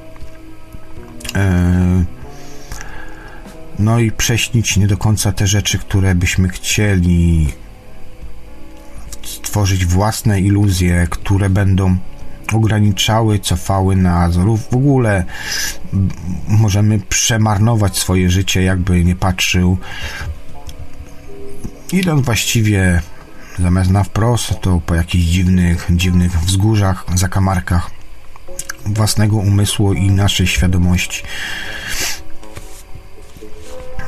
Oczywiście są takie też na przykład y, wizualizacje, procesy wizualizacyjne, które mówią o tak zwanej wizualizacji flash. To to już wspomniałem o tym, są to takie dość szybkie, które się dość szybko przewijają, pokazują, ale to też jest ten cały proces trzeba jakby przejść, to znaczy, że dostajemy różne informacje, ale kiedy będziemy się skupiać na tych konkretnych rzeczach, to będziemy tak naprawdę wydłużać sobie ten czas. Mi zawsze jest to pokazywane i mówione też, mój wewnętrzny głos świadomości mówi mi ty, o tym, żebym po prostu obserwował. Nic nie kombinuj, obserwuj, obserwuj. Wtedy skracamy ten czas, bo musi być ten pewien moment dostrojenia tej właśnie naszej wewnętrznej anteny do, do tych energii, do tego pakietu informacyjnego, który jest poza cały czas. My się cały czas z tym uderzamy, jesteśmy takimi rybkami pływającymi w swojej własnej bombli, swojej własnej bombli, mm, swojej własnej bombli no nie iluzji, tylko bardziej tego biopola, które jest tym elementem powodującym, że materializujemy się materializujemy się tu w tej rzeczywistości. Natomiast no jest to ciężki problem, jest to ciężka rzecz, natomiast y, z czasem, kiedy człowiek śni już tak naprawdę dłuższy okres, to dochodzi do, do takich właśnie wizji, do takich rzeczy, gdzie to jest mu przedstawiane. E, jedna na 50 osób y, cierpi na tak zwany brak oka umysłu od urodzenia. Nazywa się to anaf, ana, afantazją. E, są to ludzie, którzy cierpią na fantazję, mają jakby takie normalne sny i są oni, nie są oni jakby też w stanie się uświadomić tych snach, dlatego pojawiają się właśnie ludzie, którzy mówią, że nie śnią, albo śnią to mają takie zwykłe, normalne sny e, i nie są w stanie kontrolować tym, tych, tych, tych snów swoich. Dlatego tutaj jest potrzebna praca. No, każdy ma inną jakby umiejętność, z którą schodzi na tą płaszczyznę istnienia, więc yy, jedni mają większe zdolności, predyspozycje i uważam, że jest to uwarunkowane po prostu doświadczeniem, czy też yy, możliwością sięgnięcia do tej jakby właściwej ogólnej matrycy łączności, połączenia się jakby z tą matrycą i czerpania z tych wszystkich doświadczeń, zarówno ogólnej, jak i też swojej wewnętrznej, bo to ta, też trzeba by było tak podkreślić tutaj. Więc tutaj do tego są właśnie potrzebne narzędzia, e, techniki, metody i tak dalej, aby to właśnie oko otworzyć swoje. I tutaj na przykład jest właśnie praca z hipnagogami, o których wspomniałem, kiedy rozluźnisz swoje ciało, czy też zamkniesz oczy, twój mózg wtedy będzie jakby korzystał z tej okazji, aby uśpić ciało fizyczne, aby zregenerować je, ale też szczególnie um, będzie to pomocne, aby osiągnąć ten cały stan jakby REM. Tu są oczywiście nauka tutaj podzieliła to wszystko i tak dalej, gdzie u każdego to różnie wygląda. Każdy ma swój optymalny czas spania i wchodzenia w określone stany. Natomiast Natomiast jest to nauka, tak. Nie, nie u każdego jest zawsze tak samo. Te procesy się zmieniają, wydłużają, zmniejszają. Wszystko zależy od tego, jak funkcjonujemy w danym czasie dnia, e, jak intensywnie prowadzimy nasze życie fizyczne. Natomiast y, kiedy już y, zaczniemy rozluźniać swoje ciało, przymkniemy te oczy, kiedy mózg nagle zaczyna się wyciszać, y, będziemy będziemy, powodowali jakby taki stan hipnagogiczny, który zazwyczaj przejawia się tym, że widzimy na przykład wibrujące światło, dziwne geometryczne wzory. Mogą się też tu oczywiście też pojawić jakby mm, wyobrażone odczucia oraz w tym dźwięki, czy też jakieś subtelne ruchy. W tym stanie można sprawić, aby rzeczywistość była bardziej realna i na przykład po skupieniu się na takiej jakby, na tej twarzy, której wspomniałem wcześniej, tygrysa, staje się niejasno ono na przykład wtedy fluorescencyjnym na przykład kształtem, możemy do takiego stanu doprowadzić poprzez swoje własne myśli i naszą własną świadomość. Oczywiście one to się wszystkie będą pojawiały mm, za zamkniętymi e, powiekami. Moment moment przejścia, już osiągnięcia tego stanu, jakby dostrojenia się takiego całkowitego, to po pierwsze łeb pęka, e, czujemy wibracje, ciało nam czasami szarpie, czasami możemy poczuć coś takiego, jakby poprzez czakrę korony weszła potężna energia i jakby takie było takie walnięcie, takie dupnięcie, bum!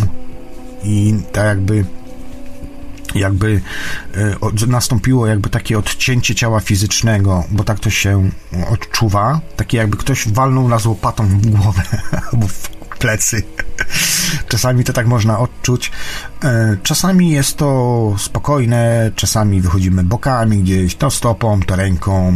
Czasami możemy wyskoczyć automatycznie, pomijając ten proces wyjścia, co uważam, że jest bardzo lepszym takim chyba sposobem pominięcia tego przejścia przez tą niefizyczną bramę.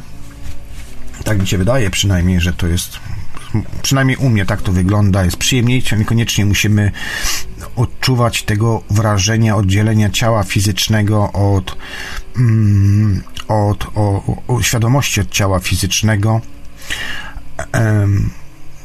Natomiast mówię, no to może wyglądać naprawdę dziwne, to całe oddzielenie. Na przykład, kiedy zwracamy uwagę na więcej szczegółów, czyli na przykład na jakieś symetryczne wzory, które, prze, które pojawiają nam się przed oczami, e, przed nosem, można, można, e, można, mogą one również stać się tak jakby czymś w sensie kształtów, symboli, to też są przekazy, też uważam, że trzeba e, na to patrzeć, ale tylko obserwować, nie ingerować w to wszystko. Już na samym początku nasza, nasza, nasza świadomość nam pokazuje, tak naprawdę w tym całym procesie jesteśmy w stanie już na samym początku um, zaobserwować, jakiego rodzaju będziemy mieli sen. Ja bardzo często u siebie poddaję się tym procesom, bo bywa to różnie. Czasami podróżuję mentalnie, czasami wchodzę w ten astral, czasami odrywam ciało fizycznego, ale ostatnimi czasami bardzo często podróżuję jednak po swoich wewnętrznych światach, które są wynikiem jakby naszych też i doświadczeń zebranych poprzez wszystkie procesy reinkarnacyjne, nasze wcześniejsze życia, no właśnie, tu się pojawia też moment przeszłe życia, ale czy też i przyszłe. Bo tutaj dylatacja czasu jest naprawdę przes, przepotężna. I możemy się zastanawiać właściwie, czy te przeszłe życia rzeczywiście są przeszłymi życiami, czy wszystko odbywa się jakby w jednoczesnym czasie w jednoczesnym tu i teraz, natomiast tylko nasza własna iluzja naszego ego powoduje to, że tworzymy sobie jakby tą linię czasową, gdzie coś tam umiejscawiamy na konkretnych um, no na konkretnych liniach czasu, tak? Gdy na przykład bawimy się tym naszym obrazem, gdy pozwalamy na to, aby ten nasz wewnętrzny obraz tego oka ewoluował sam, przemieszczał się, przemieniał. Y, możemy wejść, dojść do kolejnych jakby procesów, które powodują to, że mm, dostrajamy się do właśnie jakichś innych rzeczywistości. Możemy tutaj mieć wpływ, możemy zażyczyć sobie na przykład pewną rzecz i tutaj jest właśnie ten element, gdzie kiedyś mówiłem, że OB jest OB do pewnego momentu, natomiast po pewnym momencie to OB przestaje być już OB, wchodzimy jakby w inne rzeczywistości, w inne światy. I ten moment, y, kiedy sobie to uświadomimy, powoduje to, że nagle mamy coraz to im bardziej otwieramy tą bramę śnienia, tym więcej mamy pytań i tak dalej. I możemy naprawdę całe życie zmarnować na tym, aby szukać tego wszystkiego, ale w moim doświadczeniu, w moich doświadczeniach, e, ja już raczej poznałem te procesy, tak mi się przynajmniej wydaje, podkreślam wydaje, bo nigdy do tego pewności całkowitej nie będę miał tutaj za życia tego, no bo do niektórych rzeczy nie mamy dostępu, choćbyśmy nie wiem co robili. Tak mi się wydaje.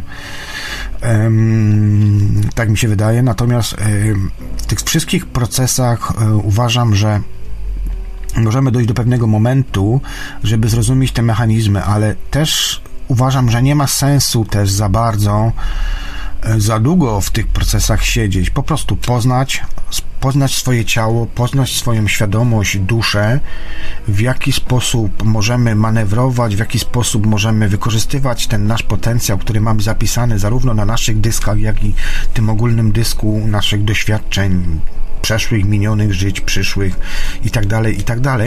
Natomiast na tym procesie uważam, że powinno się to wszystko zakończyć i później tylko i wyłącznie czerpać informacje, wprowadzać, być dobrym człowiekiem dla innych, powodować to, że środowisko wokół nas będzie po prostu normalniejsze, piękniejsze niż właśnie pałowanie się po łbach, próbowanie udowadniania innym osobom, że jest się tym lepszym i tak dalej, i tak dalej. To kompletnie nie ma znaczenia, bo i tak weryfikacja będzie zupełnie inna niż nam się wydaje. W pewnym sensie iluzja życia tutaj w tej płaszczyźnie, bo to jest iluzja. Tworzymy swoją, swoim umysłem iluzję z wyższego poziomu na niższy, gdzie w bombli kreacji tworzymy nasze ciało fizyczne poprzez połączenie tych energii, yy, zarówno e, świadomości, zarówno duszy, ducha, zarówno yy, energetyki, zarówno pakietów informacyjnych. To wszystko w jaki sposób poprzez nas tworzy, poprzez nas jako generatorzy tworzymy tą wszystko, tą całą rzeczywistość, jesteśmy w stanie się przełączać. Cały klucz polega na tym, żeby oddziaływać właśnie nie z zewnętrznej, z fizycznej rzeczywistości tutaj, tylko z rzeczywistości z wyższego poziomu.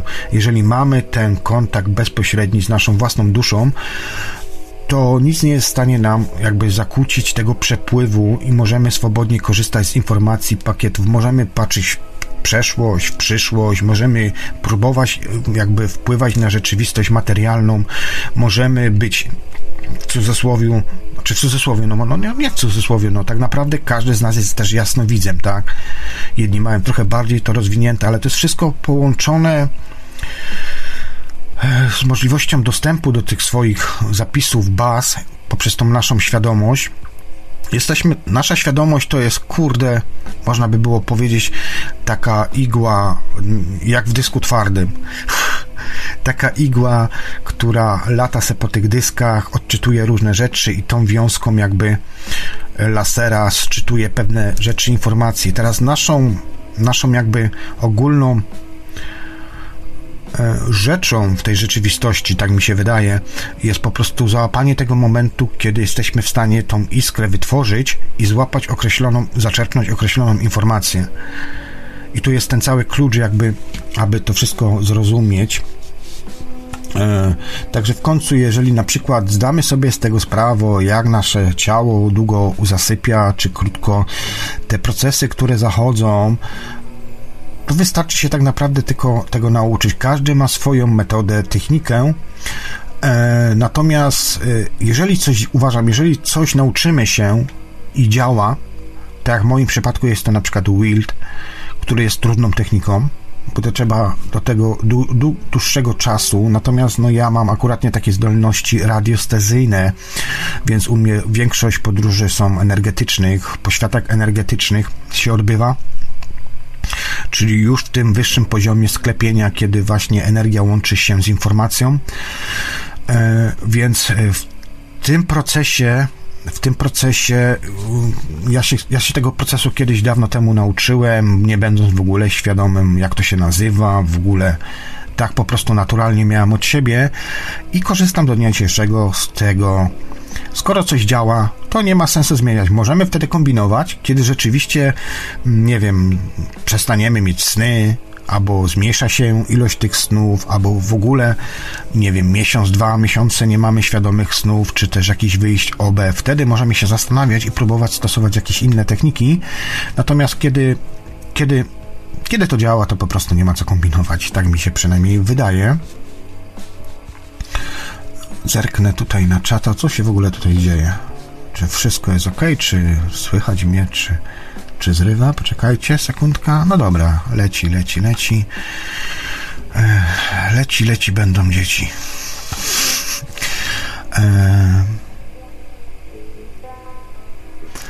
Mm.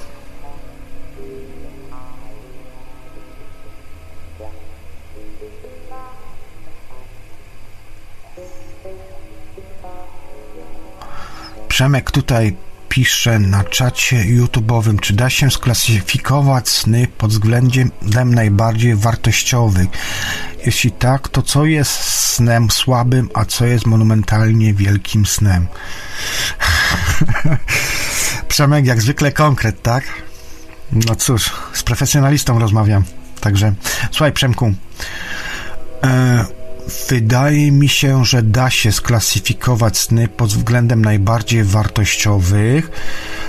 E, ja w swoim procesie śnienia bardzo często na przykład proszę swoją świadomość o to, czy też duszę, no bo z tym jest zawsze problem, Przemku, tak? Jak to wszystko nazywać? Olejmy to, omijmy. Natomiast powiedzmy, że jest to świadomość, ta nasza ogólna świadomość. Um, zdarza mi się tak czasami, że nie chcę śnić świadomie, czy nie chcę mieć obę. I bardzo często proszę o to, aby mieć po prostu zwykły, normalny sen i się po prostu jak taka kłoda zwierzę po prostu wyspać. Czyli położyć się i nawet nie pamiętać, co się śniło. Zdarza mi się to i czasami nawet często mam to. Natomiast są sny, które rzeczywiście, można powiedzieć w cudzysłowie, wyrywają nas z butów. Są to sny, które czasami są wręcz tak realne, że są bardziej realne od rzeczywistości, w której jesteśmy.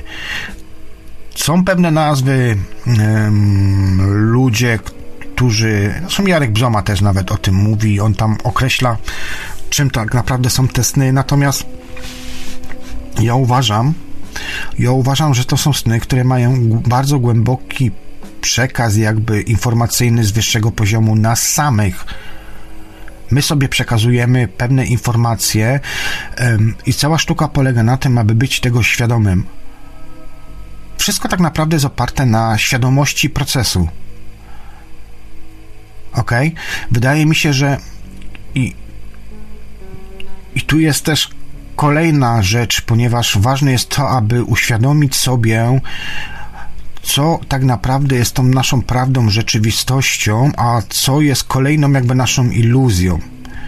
Bo my jako świadomość, i to można właśnie się nauczyć właśnie z postrzegania sennego czy wyjścia poza ciało, mamy, wszyscy mamy taką zdolność tworzenia własnych iluzji i kreacji. Niektóre własne iluzje i kreacje mogą być do takiego do takiego stanu perfekcyjności, jakby wykreowane, stworzone poprzez naszą nie, nielokalną świadomość, że ta nieświadomość, że ta rzeczywistość będzie bardziej dla nas rzeczywista niż rzeczywistość fizyczna. I cała sztuka pomiędzy jednym a drugim polega na tym, aby, aby zachować tą uwagę, tą świadomość tych procesów nie wiem, ja mam w sobie coś takiego, że przyłapuję się. To nie jest tak, że to jest bardzo ciężkie.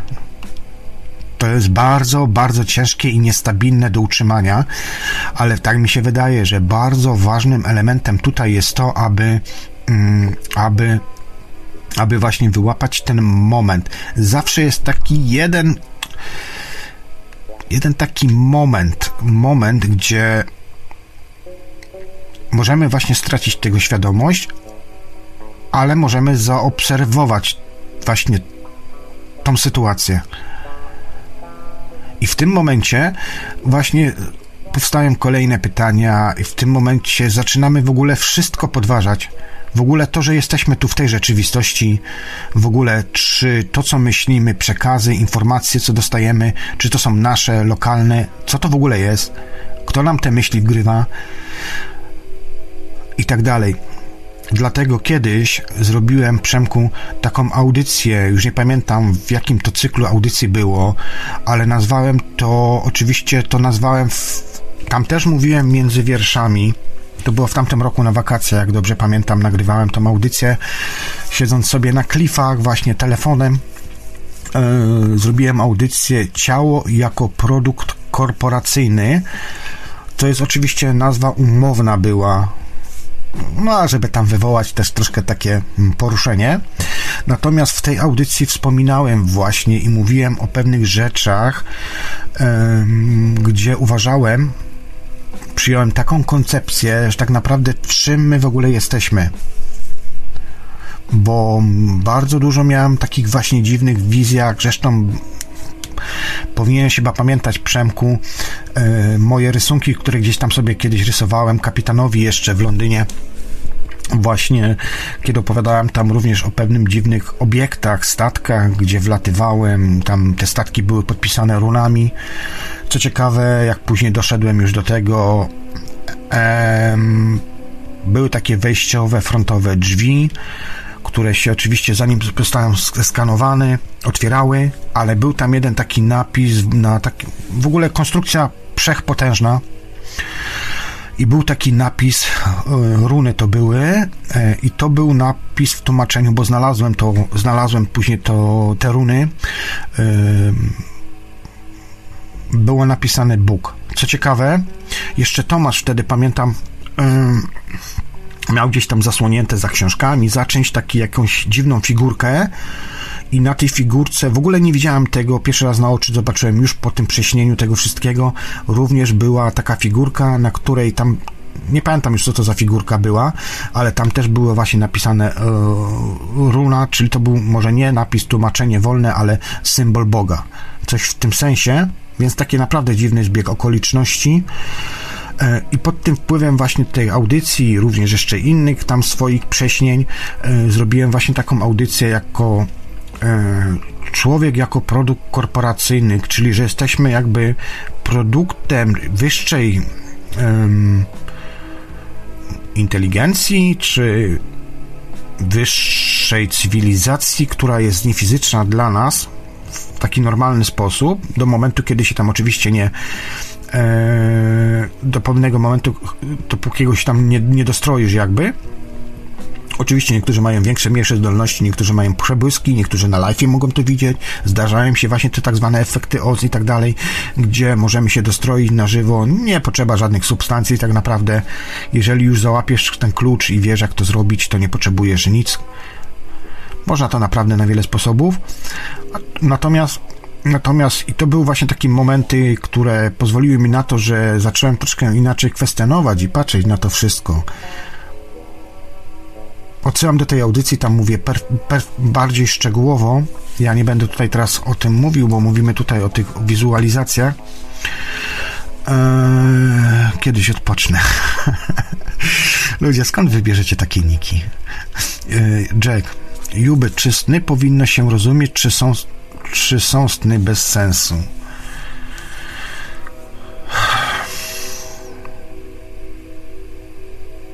Czysne powinno się rozumieć.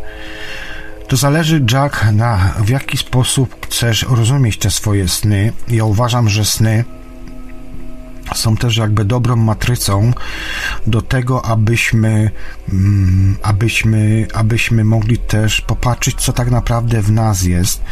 Z drugiej strony możemy też sklasyfikować siebie i tak jakby przebadać y, w czasie rzeczywistym problemy, które mamy w sobie, tak?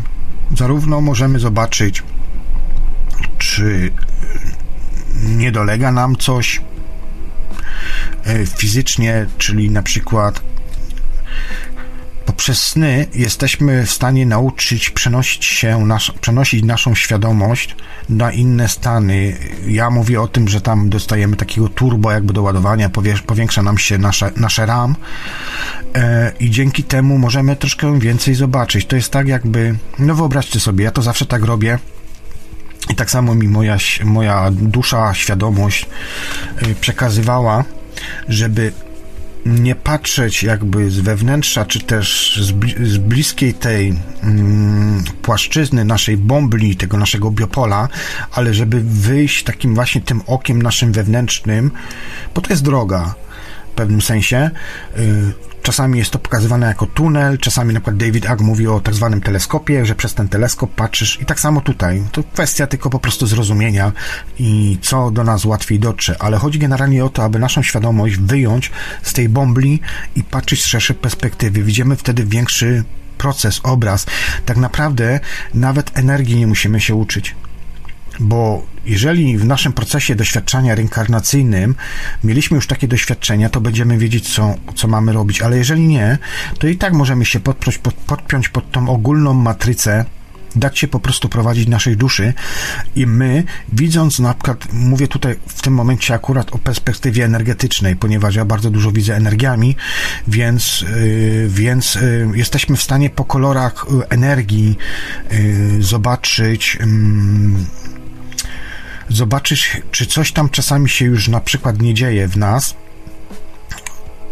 E, i na przykład im bardziej są brudniejsze, kropkowate te energie, czyli albo na przykład są zmieszane te energie, są tu już jakieś symptomy i sygnały, które mm, pozwolą nam, jeszcze zanim się zamanifestuje to w ciele fizycznym, jakby zobaczyć, nie wiem, ubytki energetyczne, e, czy coś, co się dzieje już wcześniej, powiedzmy dwa tygodnie wcześniej, bo tak mniej więcej ta energia krąży 13-14 dni, czasami szybciej, to zależy jaki mamy wpływ. Tak samo zresztą e, tu ciekawa jest informacja też odnośnie e, tego COVID-a całego również, bo wiele ludzi nie rozumie tak naprawdę o co to chodzi, ale cały COVID-19 jest wirusem energetycznym.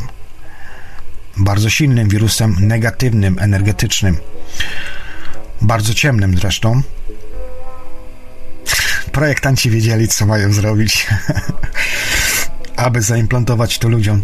Um, tutaj Przemek pyta na czacie YouTube'owym. Um, jaki jest najwyższy poziom, śnienia i o ile miałeś taki oczywiście kres? Tak, miałem taki kres w moim śnieniu, ja to wspominałem w swoich audycjach już nie raz. Opiszę Wam, jak to u mnie wyglądało, natomiast interpretację zostawię Wam. Był to moment, kiedy wylądowałem nad Ziemią w przestrzeni kosmicznej.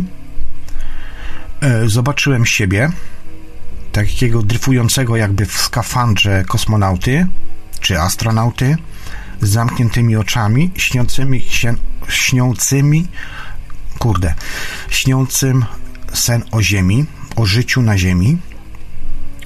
E, kiedy już wleciałem za te jakby ten dolne astrale, tak, kiedy te wszystkie warstwy widzisz, bo to, to tam są energie takie krążące, jakby tworzą się tak, jak takie pola energetyczne. Więc wisiałem sobie nad tym, nad ziemią, widziałem siebie, e, śniłem o ziemi, o życiu na ziemi i w momencie, kiedy podjąłem decyzję, że chcę zobaczyć jakby ten cały koniec. E, nastąpiło jakby takie przekliknięcie. Moja dusza jakby mnie złapała, czy ja z wyższego poziomu, czy też świadomość z wyższego poziomu złapała mnie. Bardzo często jest opisywane jako przewodnicy też. No, nazwy mogą być naprawdę różne, ale chodzi generalnie o sens. E, ja mówię na to lot na sanki, czyli tak by mnie tu z tyłu złapało i zacząłem lecieć, oddalać się od ziemi i lecieć w drugą stronę. E, było wtedy czuć chłód wiatru kosmicznego. E, I sobie tak leciałem, leciałem, mijałem planety, Wenus, Marsy, to wszystkie inne rzeczy. To jest oczywiście wizja, tak, przedstawienie, natomiast interpretować można to naprawdę na różne sposoby. Każdy niech sobie tutaj sam to zinterpretuje po swojemu. Leciałem coraz dalej, nagle jakby nasza galaktyka robiła się mniejsza, spiralna oczywiście, jak najbardziej, jak to na filmach czy wizualizacjach czasami widać, dosłownie, ale przypuszczam, to jest po prostu zapis czerpnięty z podświadomości i przedstawione to w taki sposób, abym ja to po prostu widział i zrozumiał. Następnie kolejne galaktyki zaczęły się skupiać, tworzyć jedną kulkę. Ta kulka, później ta kulka zaczęła się zmniejszać, później tworzyły się tak jakby super, super galaktyki, które skupiały w sobie już te galaktyki, tylko że już z tego wyższego poziomu mniejsze, one się zaczęły znowu jakby zmniejszać, lepić się w jedną, w jedną, w jedną, w jedną. I w pewnym momencie było takie coś, że wszystkie galaktyki znikły, powstała tylko czarna plansza, która falowała, wibrowała, ale nie było nic, była kompletna ciemność, nastąpiło jakby rozwalenie mnie, mojej osobowości, mojej świadomości. No, stare musi się rozpaść, tak, żeby powstało nowe, więc e, kolejne pytanie z tej drugiej strony czy jestem gotowy, czy chcę i tak dalej, zobaczyć jeszcze dalej, jak to wszystko wygląda.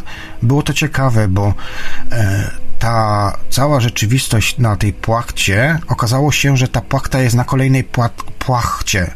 To jest tak, jakby na pewną rzeczywistość została nałożona jakby taka mm, e, czarna, niewidzialna łatka, czyli prawdziwa rzeczywistość jakby została załatana sztuczną jakby taką mm, no łatą, nie wiem jak to określić i na tej sztucznej łacie było wszystko pokazywane, właśnie ta rzeczywistość, gdzie funkcjonuje, z której przyleciałem o to jakby.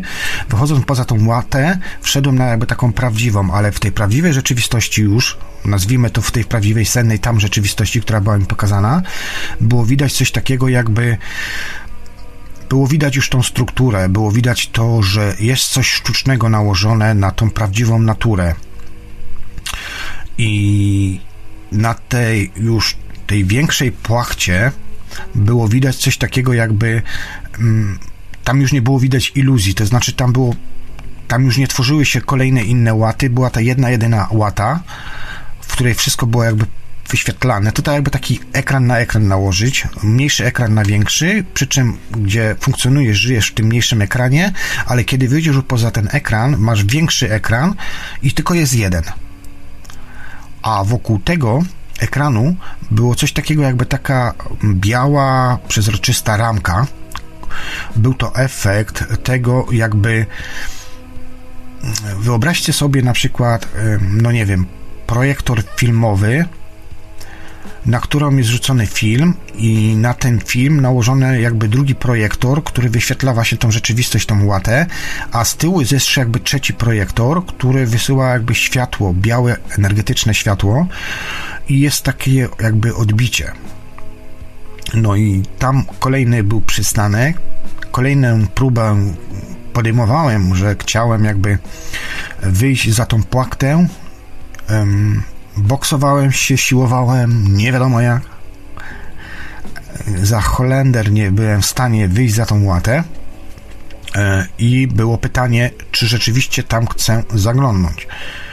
I padła, w, to był jeden, jedyny moment w całym moim procesie, całym moim życiu śnienia, gdzie e, zadano mi takie właśnie trudne pytanie, ale też od razu dostałem odpowiedź, że jeżeli tam zaglądnę, to już nie wróć, już nie mam, nie mam szans na powrót.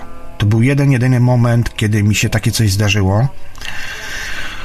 E, ja się wtedy zawahałem i stwierdziłem, że nie. No i tak, no i w sumie to już przestało. Wtedy była taka kompletna cisza, po prostu sobie wisiałem, obserwowałem, jeszcze tam próbowałem coś tam w głowie analizować. No i w pewnym momencie było takie coś, że tak jakby taka droga powrotna. No i tam już wpadałem w swoje światy, w światy niefizyczne, w światy, które sam sobie tworzyłem, jakby wizualizacje. Wchodziłem w te światy, wpadałem w jakiś na przykład na jakąś planetę, gdzie na przykład na jakiejś planecie, która wyglądała dosłownie jak Ziemia, em, na przykład w lesie, gdzie było ognisko, wokół ogniska szło się takimi jakby pomiędzy krzewami, takimi wysokimi krzewami, były takie uliczki, alejki jakby porobione, takie wydeptane, o, wydeptane, gdzie przy tym siedzieli na przykład, siedziały różne osoby, istoty wyglądające jak ludzie, ale niektórzy byli ludźmi, ale niektórzy wyglądali jak ludzie, ale niekoniecznie to byli ludzie. E, poprzebierani w różne stroje, takie szamańskie czy coś. No ja mam, ja mam chyba tą, tak, ja mam takie coś w sobie, że po prostu w te klimaty uderzam. Zresztą samo to, że ja mam stopy szamańskie w ogóle, tak z czasem tam gdzieś sobie przyglądałem i um, oglądałem różne rodzaje stóp i nawet samo to, że mam stopy szamańskie, to już też mi dało do myślenia, dlaczego ja mam takie, a nie inne rzeczy. Plus tam oczywiście te kiny majowskie, to wszystko, to jest wszystko informacja klepienie wielu rzeczy, które po czasie, po latach wychodzą i do których ja dochodzę. Więc to był ten moment taki mojego najwyższego poziomu śnienia, Przemku, e, jaki ja zaobserwowałem. Rozpadanie w ogóle jednostkowe jest bardzo interesującym elementem tam się dzieje naprawdę bardzo, bardzo wiele rzeczy jednocześnie w tym samym czasie. Jack, to, to wszystko, co mówisz, Juby, ma moc, gdy banują, gdy zabuja na podbudowie zrozumiałych czakramów i mocnej energii chi. A czy widziałeś śnie medytacji wcześniejsze wcielenia?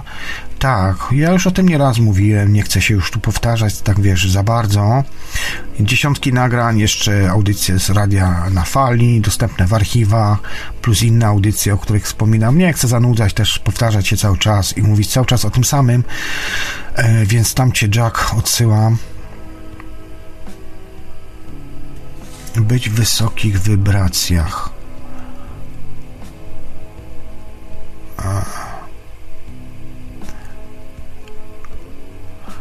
Klucz to, klucz to uśmiech, pocha, kochać siebie i innych, zaopiekować się sobą. Gibą, to się czuję, gdy się obudzę, wiem, że tam był przekaz i od razu pytam, co było w przekazie. To sny chwytające za serce.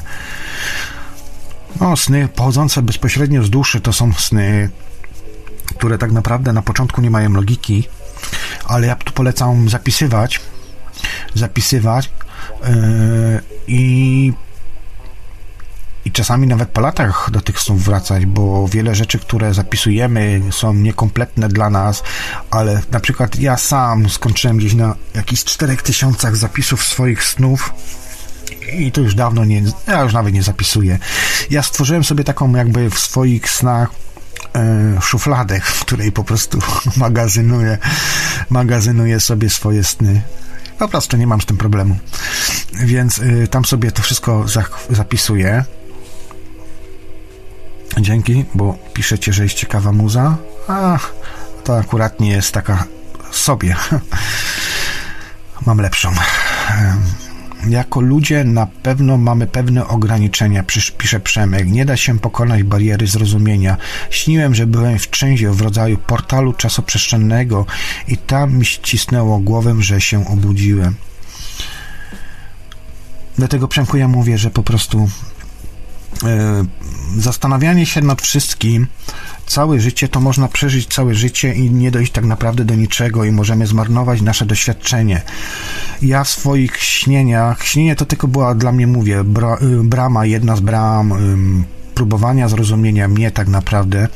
Natomiast kiedy się już te wszystkie procesy obudzi, obudzi w sobie, to przychodzą inne rodzaje śnienia, inne w ogóle podróżowanie, inne rozumienie i to jest chyba, wydaje mi się, dla nas kluczem ja się nawet staram już po prostu nie dyskutować. Najważniejsze w tym wszystkim jest chyba pogodzenie się z samym sobą i um, obudzenie tego swojego wewnętrznego dziecka i i po prostu obserwacja, bycie tutaj, doświadczanie tego życia, e, korzystanie z tej możliwości, że, że jesteśmy w stanie namacalnie, fizycznie dotknąć pewnych rzeczy, bo całym problemem naszej duszy, świadomości, kiedy już nasze ciało odetnie się na stałe od tego, nasza świadomość odetnie się od ciała fizycznego, jest problem taki, że nie mamy możliwości właśnie jakby doświadczenia w tym zagęszczeniu, w tej rzeczywistości, czyli dotknięcia innej osoby, pocałowania, na przykład przytulenia i tak dalej, i tak dalej.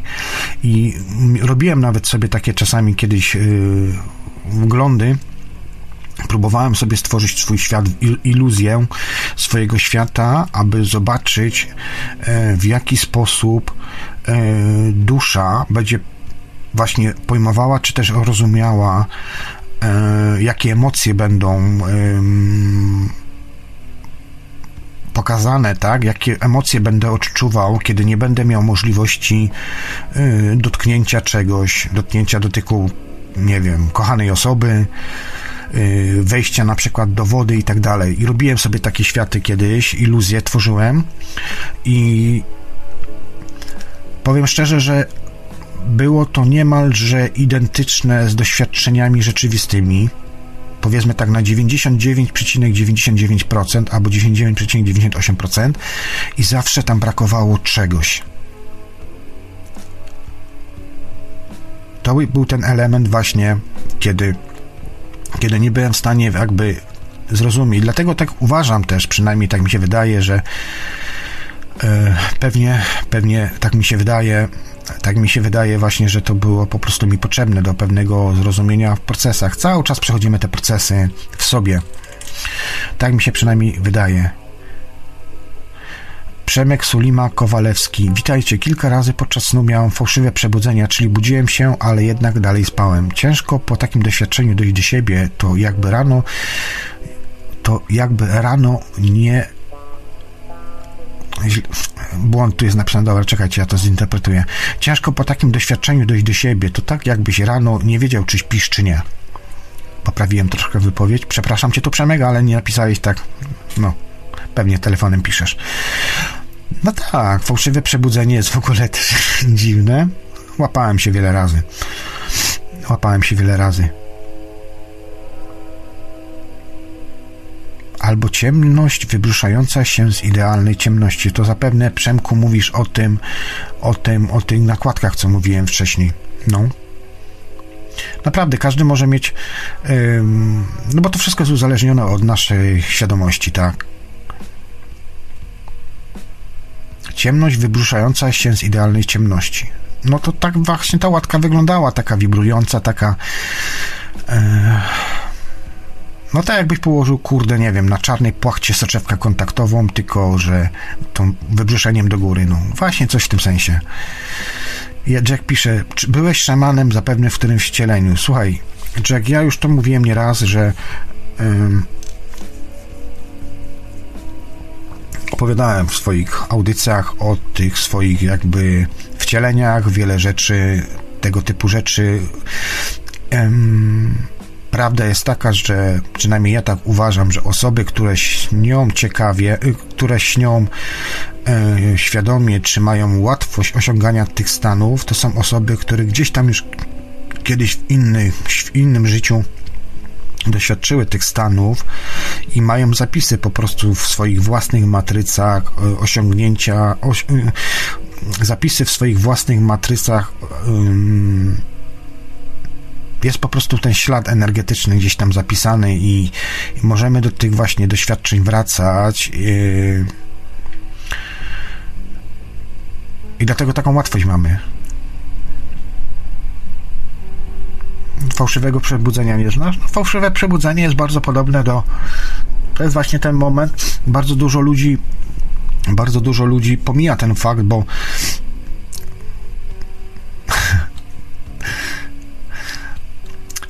to jest taki moment, kiedy yy, masz wrażenie, że się obudziłeś, ale za chwilę nagle okazuje się, że się nie wybudziłeś. To bardzo często można spotkać na przykład yy, czasami jak do toalety idziesz, tak? Masz wrażenie, że poszedłeś do toalety wysikać się,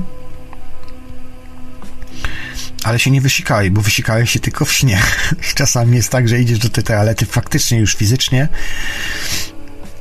i dopiero wtedy się wysikujesz. Bardzo często to mam. Tylko, że już mam świadomość tego po prostu. Ja mam jakieś takie już automatyczne wzorce w sobie wypisane, że jeżeli na przykład coś widzę, coś zwracam na coś uwagę, to już wiem, że to jest sen. Ale jest to czasami mylące, rzeczywiście może, może powodować to no nieciekawe rzeczy.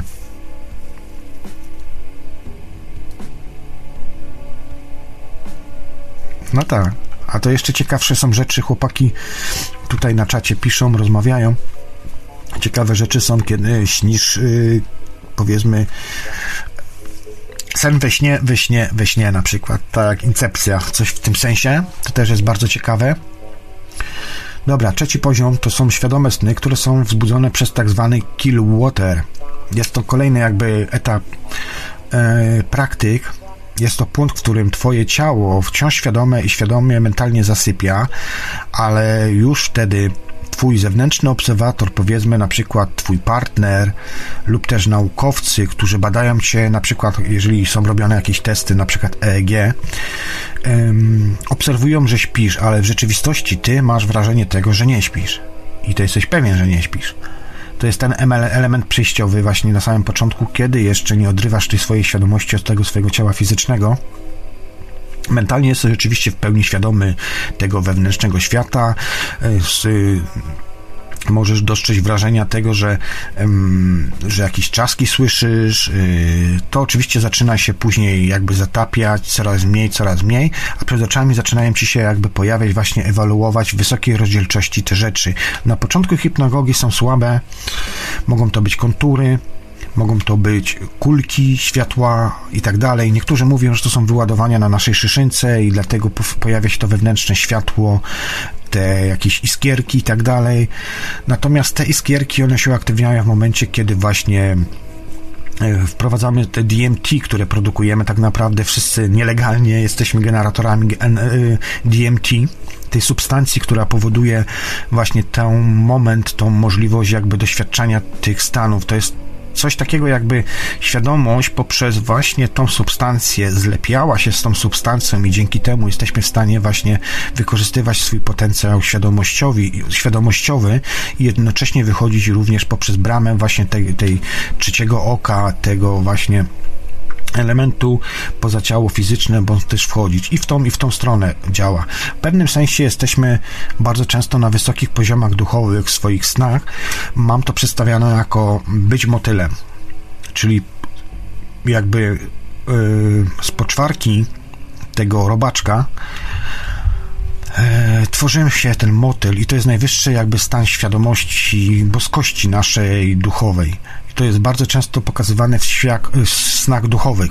W snach duchowych doświadczamy właśnie momentu bycia motylem i to jest, znaczy generalnie na każdym poziomie śnienia, o tak to bym powiedział. I w mentalnych jest ten motyl i, i kiedy podróżujemy e, w astralach czy w światach energetycznych, mamy zawsze ten motyl na najwyższym poziomie. To jest tak jakby przedstawienie już naszej boskości, że doszliśmy jakby do końca swojego momentu doświadczania i też zrozumienia.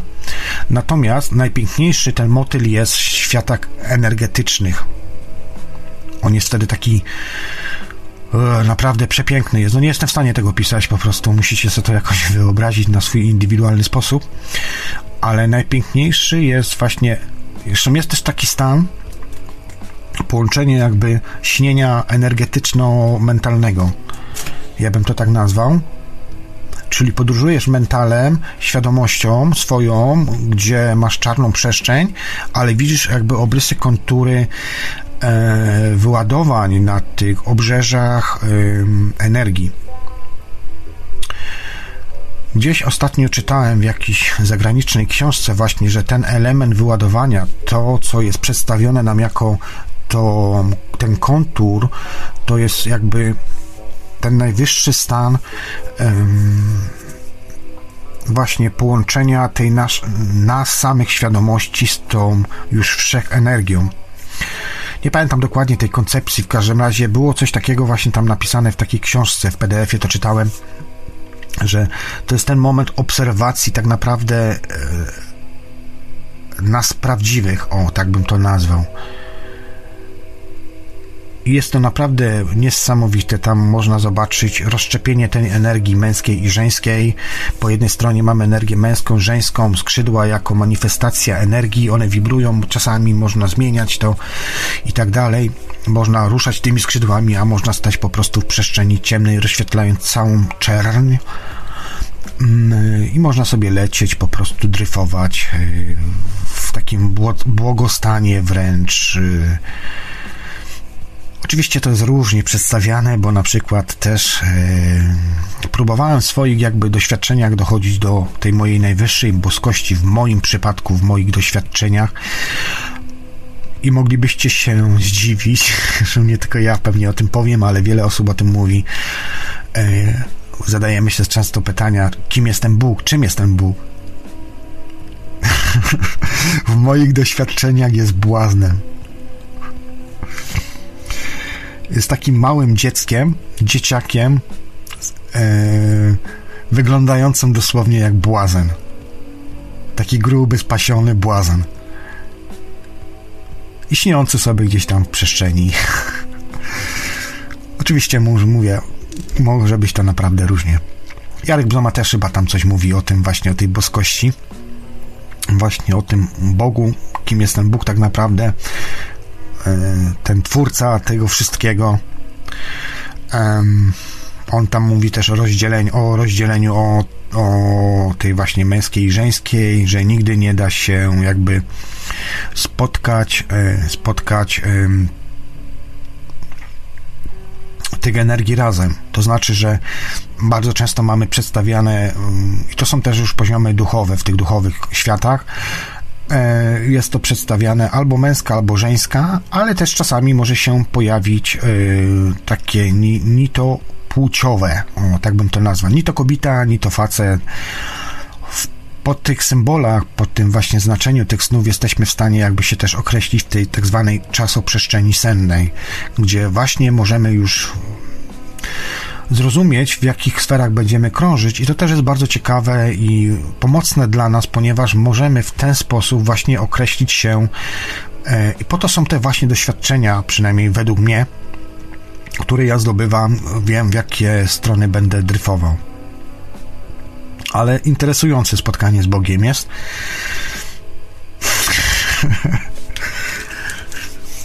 To jest komedia, parodia.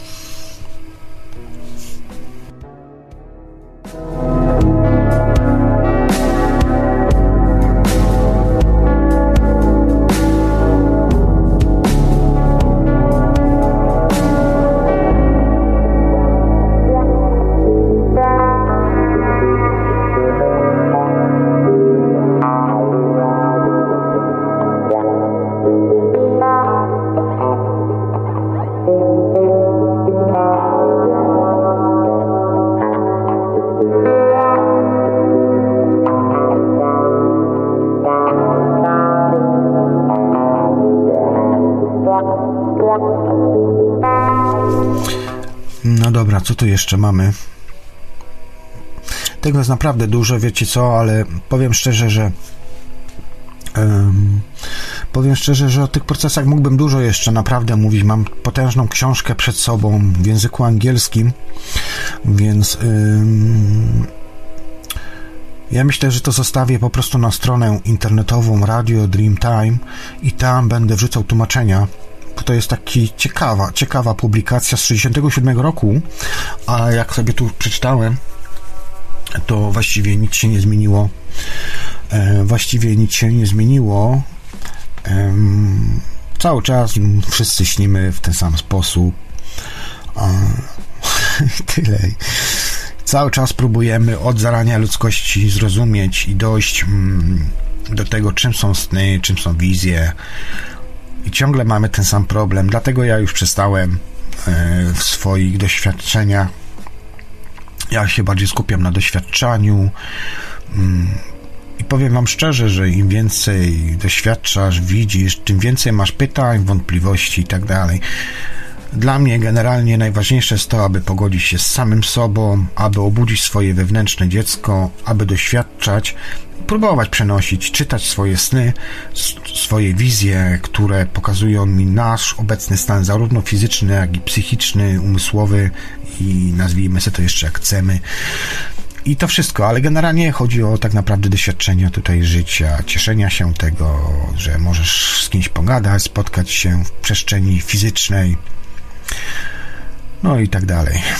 Co tutaj jeszcze? Oczywiście można tutaj używać również wielu innych zmysłów do swojego procesu wizualizacyjnego. Na przykład można tu, tak jak wspomniałem wcześniej, wykorzystywać wzrok, by też na przykład właśnie wyczarować wizję. W tę wizję później można wejść. Hipnagogia jest tym właśnie fajnym elementem, że jest ona najprostsza, bo to widzimy przed sobą. Nie musimy za bardzo się też skupiać, starać ale możemy po prostu sobie coś wymyśleć w głowie, poddać się temu procesowi i wejść sobie w na przykład dany sen, przerabiać coś, tworzyć swoje własne iluzje. Mamy tą zdolność jako ludzie. Oczywiście e, wszystko jest tutaj uzależnione, uzależnione od procesu każdej istoty osoby. Ale na przykład też możemy tutaj wykorzystywać inne na przykład elementy naszego ciała fizycznego, jak na przykład słuch. Wspomniałem też również o tym Możemy sobie wyobrazić na przykład jakieś dźwięki, możemy usłyszeć te dźwięki, możemy być odcięci od tych dźwięków. To wszystko są sytuacje, symbole, które powodują to, że wchodzimy w ten proces uśnienia i zdajemy sobie sprawę, jesteśmy, zdajemy sobie sprawę, no, tego nośnika informacji, tej świadomości, gdzie jesteśmy tu, teraz, w poza i jesteśmy w stanie jakby tym kierować dalej.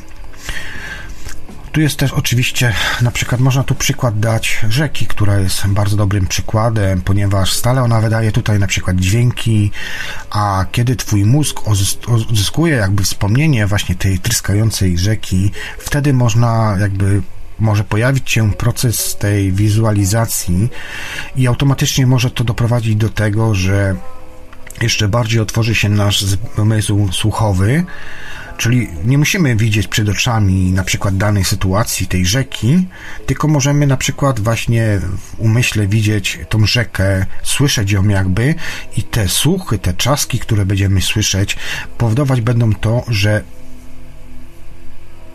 tym kanałem po prostu wejdziemy w sen świadomy, czy opuścimy swoje ciało. Oczywiście naprawdę jest tu wiele rzeczy, można na przykład wizualizować sobie dłonie, e, czy też temperaturę na przykład. To wszystko są czynniki, ciśnienie na przykład, że jesteśmy pod wodą, że mm, chodzimy pod wodą.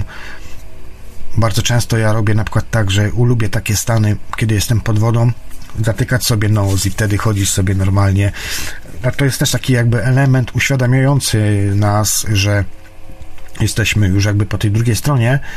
No i wtedy, kiedy łapię sobie za ten nos, nagle, o, już mogę oddychać bez, bez łapania powietrza i wtedy sobie puszczam, wiem, że jestem już w tym śnie, no i tam sobie już dalej y, robię swoje rzeczy. Oczywiście ćwiczenia, naprawdę tych ćwiczeń jest dużo. Um, Ćwiczenia można oczywiście w różny sposób zaprojektować, można też w konkretnym celu, można też po prostu na dziko się puścić jakby w senne, senne przestrzenie. To naprawdę wszystko zależy od tego, jak w danym miejscu, w danym sytuacji chcemy doświadczać tych snów. Możemy tu osiągać właśnie poprzez te wszystkie rzeczy, co Wam powiedziałam, czyli wizualizacje, elementy słuchowe, dotykowe, wizualne, no, nazwijmy sobie to jak chcemy. Jak zatem kształtować swoje, mm, swoje wizje poprzez hipnagogi? Jak wchodzić w ogóle w te senne przestrzenie poprzez hipnagogi? Przede wszystkim tutaj musisz się zrelaksować, siąść w zaciemnionym pomieszczeniu, aby to wtedy mogło zadziałać. Wyobraź sobie na przykład krąg w, w swoim polu widzenia, w centrum Twojego pola widzenia. Nie musi on mieć żadnego koloru czy też kształtu, może być on pusty, może być wypełniony, może być cokolwiek, czego sobie wymarzysz, zaplanujesz, ale i tak to w pewnym sensie później przyjdzie wszystko do ciebie naturalne. Także możesz kombinować, stwarzać swoje światy, możesz jakby próbować wejść w inne światy, ale i tak Twoja świadomość podsunie Ci to, co będzie dla Ciebie w danej sytuacji, momencie najlepsze. Kiedy rozluźnisz oczy, mogą pojawić się takie jakby łagodne fluorescencje. Możesz sobie też zdać wtedy sprawę tak naprawdę, jak Twoje ciało fizyczne jest napięte. Rzeczy, na które tak naprawdę nie zwracamy uwagi. Dopiero kiedy właśnie wyciszamy ten swój umysł, ja mówię na to bardzo często zatrzymać umysł, dosłownie zatrzymać umysł, to jest ten stan błogostanu. Wtedy nagle wszystko zacznie się zmieniać. Mogą być kolory, kształty, ale nie muszą. Mogą się kolory zmieniać, mogą być puste, tak wspomniałem. Cokolwiek naprawdę mogą być nieograniczone możliwości. I kiedy te oczy sobie jakby rozluźnisz, kiedy będziesz miał te łagodne fluorescencje, po prostu zwyczajnie obserwuj to wszystko naokoło, staraj się nie skupiać yy, uwagi na tych wszystkich rzeczach, bo kiedy będziesz gotowy, to Twoja świadomość będzie wiedziała, że to już jest ten moment. Także skoncentruj się bardziej na tym, żeby, żeby te Twoje myśli były puste. Staraj się nie zamartwiać rzeczami fizycznymi, że na przykład musisz stać jutro rano do pracy, musisz zrobić to, tamto, siamto i tak dalej. Staraj się być po prostu w sobie wewnętrznie pusty. A i tak będziesz miał pakiety informacyjne jakby wpajane, wsysane z tego wyższego poziomu, także Twoje ciało fizyczne będzie wiedziało, Twoja świadomość będzie wiedziała, e, kiedy w danej sytuacji, momencie procesy jakby rozpocząć mm, w dostrajaniu się do tych innych rzeczywistości. Także tak to może wyglądać. Y, Mogo, możesz oczywiście koło zmieniać na trójkąty, na kwadraty, naprawdę cokolwiek chce. Kierujesz tutaj swoimi własnymi myślami i tym procesom się tutaj musisz poddać. Możesz na przykład sobie też wyobrazić gigantyczny krzyż, który jest gdzieś tam przed tobą wisi, co krzyż też jest bardzo ciekawym elementem.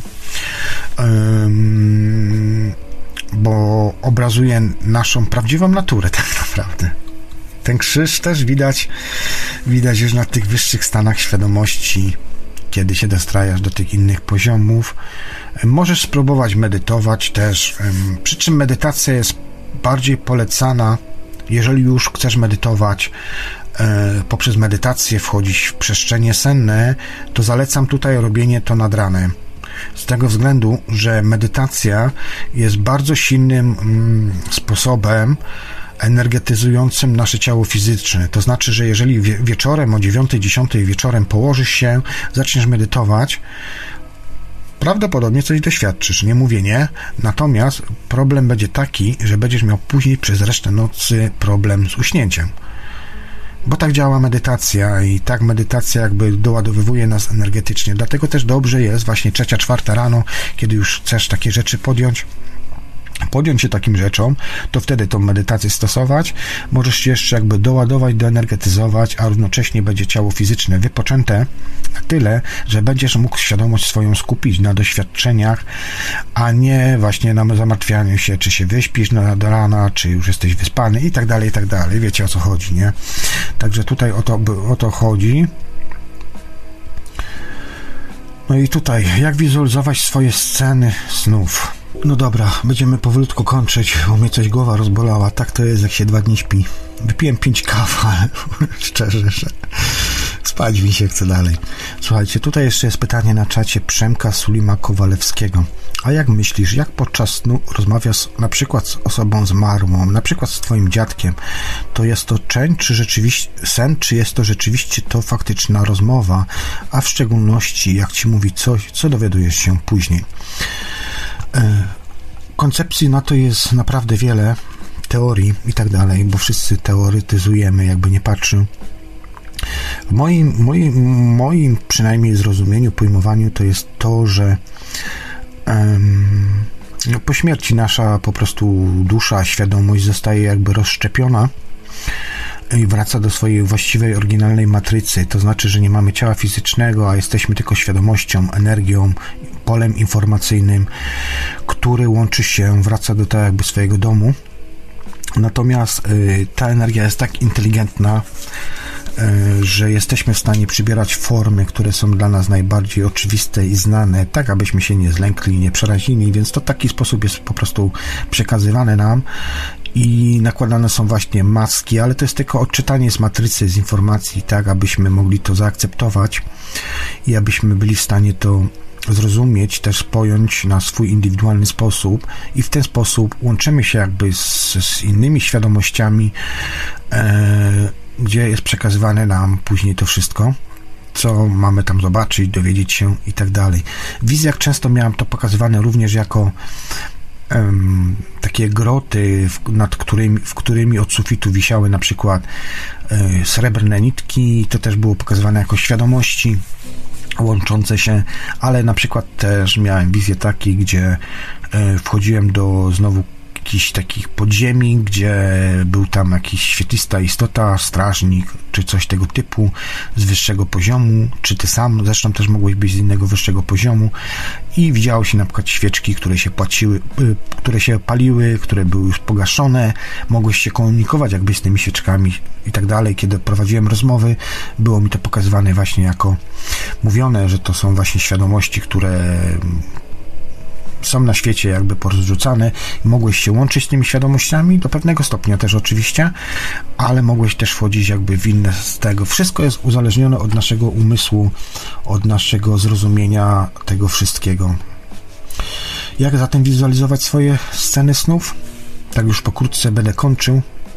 bo mnie zaczęła głowa boleć i, i też w sumie chyba już dwie godziny chyba audycja trwa, więc już wystarczy. Kto będzie tego słuchał, tyle. Zacznij za, zatem od rozgrzania oraz wizualizacji niektórych stanów z Twojej własnej hipnagogii, którą masz przed oczami. Kiedy zobaczysz, że kolory są już jakby w pełni, one się robią takie bardziej intensywne, powinieneś jakby przedefiniować swój własny obraz, złożony krajobraz. Możesz w niego wejść, możesz myślami kształtować, możesz gdzieś tam boczkami sobie wchodzić i tak dalej. Naprawdę wszystko jest to jak sobie wyobrazisz, tak będziesz miał. Y, moim najczęstszym y, takim wyborem jest na przykład plaża, gdzie siadam sobie na tej plaży, jeszcze się relaksuję, jeszcze się doładowywuję energetycznie, odpoczywam się. To taka moja ostoja, ciszy, próby dostrojenia się jeszcze do wyższych stanów. Czasami mam towarzyszy, towarzysza. Różnie to naprawdę y, wygląda. No i tutaj wizualizacje mogą być właśnie wizualne, czyli widzące, gdzie zaczynasz na, najpierw od obserwacji Twojego horyzontu, rozglądasz się szeroko, rysujesz obraz od zera, następnie mo możesz podać się tutaj szczegółom, czyli konkretnie chmurom, słońcom, palmom, okolicy, wszystkiemu, co chciałbyś, aby w tej scenerii było. Możesz mentalnie zdefiniować kolory, czerwony niekoniecznie musi być czerwony, możesz odbierać go jako czerwony, ale w podświadomości w świadomości swojej wiedzieć, że to jest zupełnie inna forma. Mm, możesz na przykład y, budować warstwy, czasami też może tutaj pomóc to, jeżeli faktycznie na przykład mm, czujesz fizycznie wręcz takie jakby poruszanie tymi gałkami, jest to wtedy, kiedy osiągasz stan y, REM, oraz możesz się to również tutaj skupić na dalekim horyzoncie podczas wizualizacji, a następnie możesz sobie wyobrazić ręce spojrzeć na te ręce, zobaczyć jak one świecą, ile palców mają, aby na przykład umieścić jakby swoje ciało fizyczne, yy, znaczy ciało, ciało niefizyczne, to wyobrażeniowe właśnie w danej scenerii Wtedy jest to pyknięcie, przeskoczenie, możesz ten cały proces przejść, a możesz po prostu zwyczajnie wskoczyć i nagle się zorientować, że jesteś w świadomym śnie. Słuchowe, tak jak już wspomniałem wcześniej, yy, czyli możesz na przykład sobie wyobrazić dźwięki oceanów z delikatnymi falami, które dobijają na przykład do brzegu. Możesz wtedy skupić się na informacjach, rzeczach, jakie słyszysz, przykład ptaki, śmiech, wiatr, muzyka, która gdzieś tam se w tle może lecieć, możesz sobie wyobrazić, napisać, jest coś takiego jak muzyka duszy, ja też często to mam, to też jest taki dla mnie wskaźnik, w którą stronę będzie senna perspektywa szła. Czasami i czasami luzuje po prostu i daje się po prostu jakby pod, yy, prowadzić tej fali Możesz na przykład odczuć, jak fale się rozbijają o na przykład skały, a może być to po prostu zwyczajne dobijanie do brzegu. Możesz to połączyć również z oddechem, wtedy ten oddech, mm, możesz mieć czasami takie wrażenia, że są jakby, że ten oddech jakbyś, jakbyś oddychał przez taką dużą, dużą rurę i wciągał ten oddech. Naprawdę są tutaj nieograniczone możliwości dotykowe, czyli na przykład jak jesteś na plaży, jak czujesz piasek, po którym chodzisz, mm, czy jest on ciepły, czy on jest miękki, czy on jest twardy, czy to piasek, czy może kostka brukowa. Możesz na przykład wyobrazić sobie tutaj słońce, czy też wiatr, który po twojej skórze muśka, oddychać tym świeżym powietrzem, które prowadzi cię i tak dalej. To wszystko elementy, które są jakby um, triggerami, triggerami, które pozwalają nam w dostrojeniu się jeszcze większym, wejściu na tą fazę właśnie i wejściu w świadomy sen. Węchowe na przykład możesz poczuć, jak na przykład pachnie ocean, morze, rzeka, jezioro.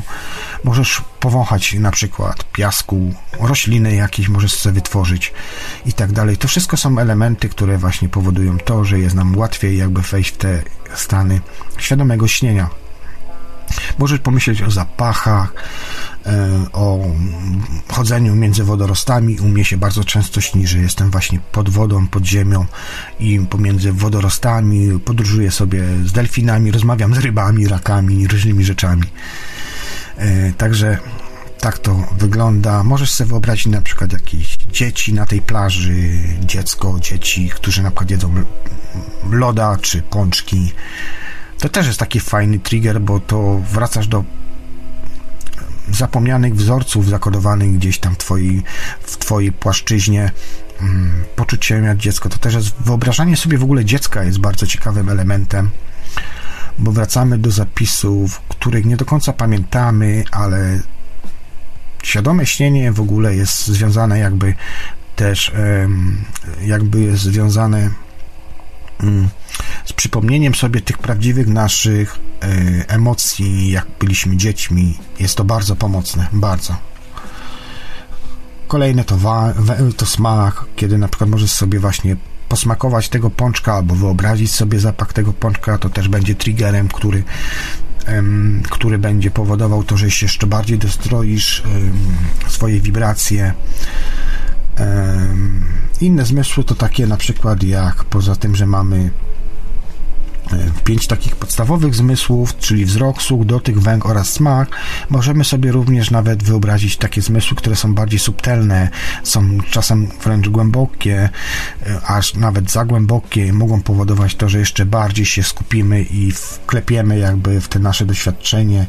I tutaj inne zmysły to na przykład poczucie równowagi, propriocepcja, czyli tak jakby wspólnego ruchu, kinestezja, czyli przyspieszenie, termocepcja, czyli temperatura, odczucie temperatury, y, nosycepcja, czyli odczucie bólu. Tak naprawdę w tym, na tym poziomie, kiedy załapiesz to wszystko, co chodzi, jesteś w stanie zrozumieć też, na czym polega ból. Jesteś w stanie jakby niwelować anulować programy, które masz wgrane w sobie. Na tym poziomie też możesz jakby już, już zaczynasz łapać powoli, czym jest ból i w jaki sposób go anulować.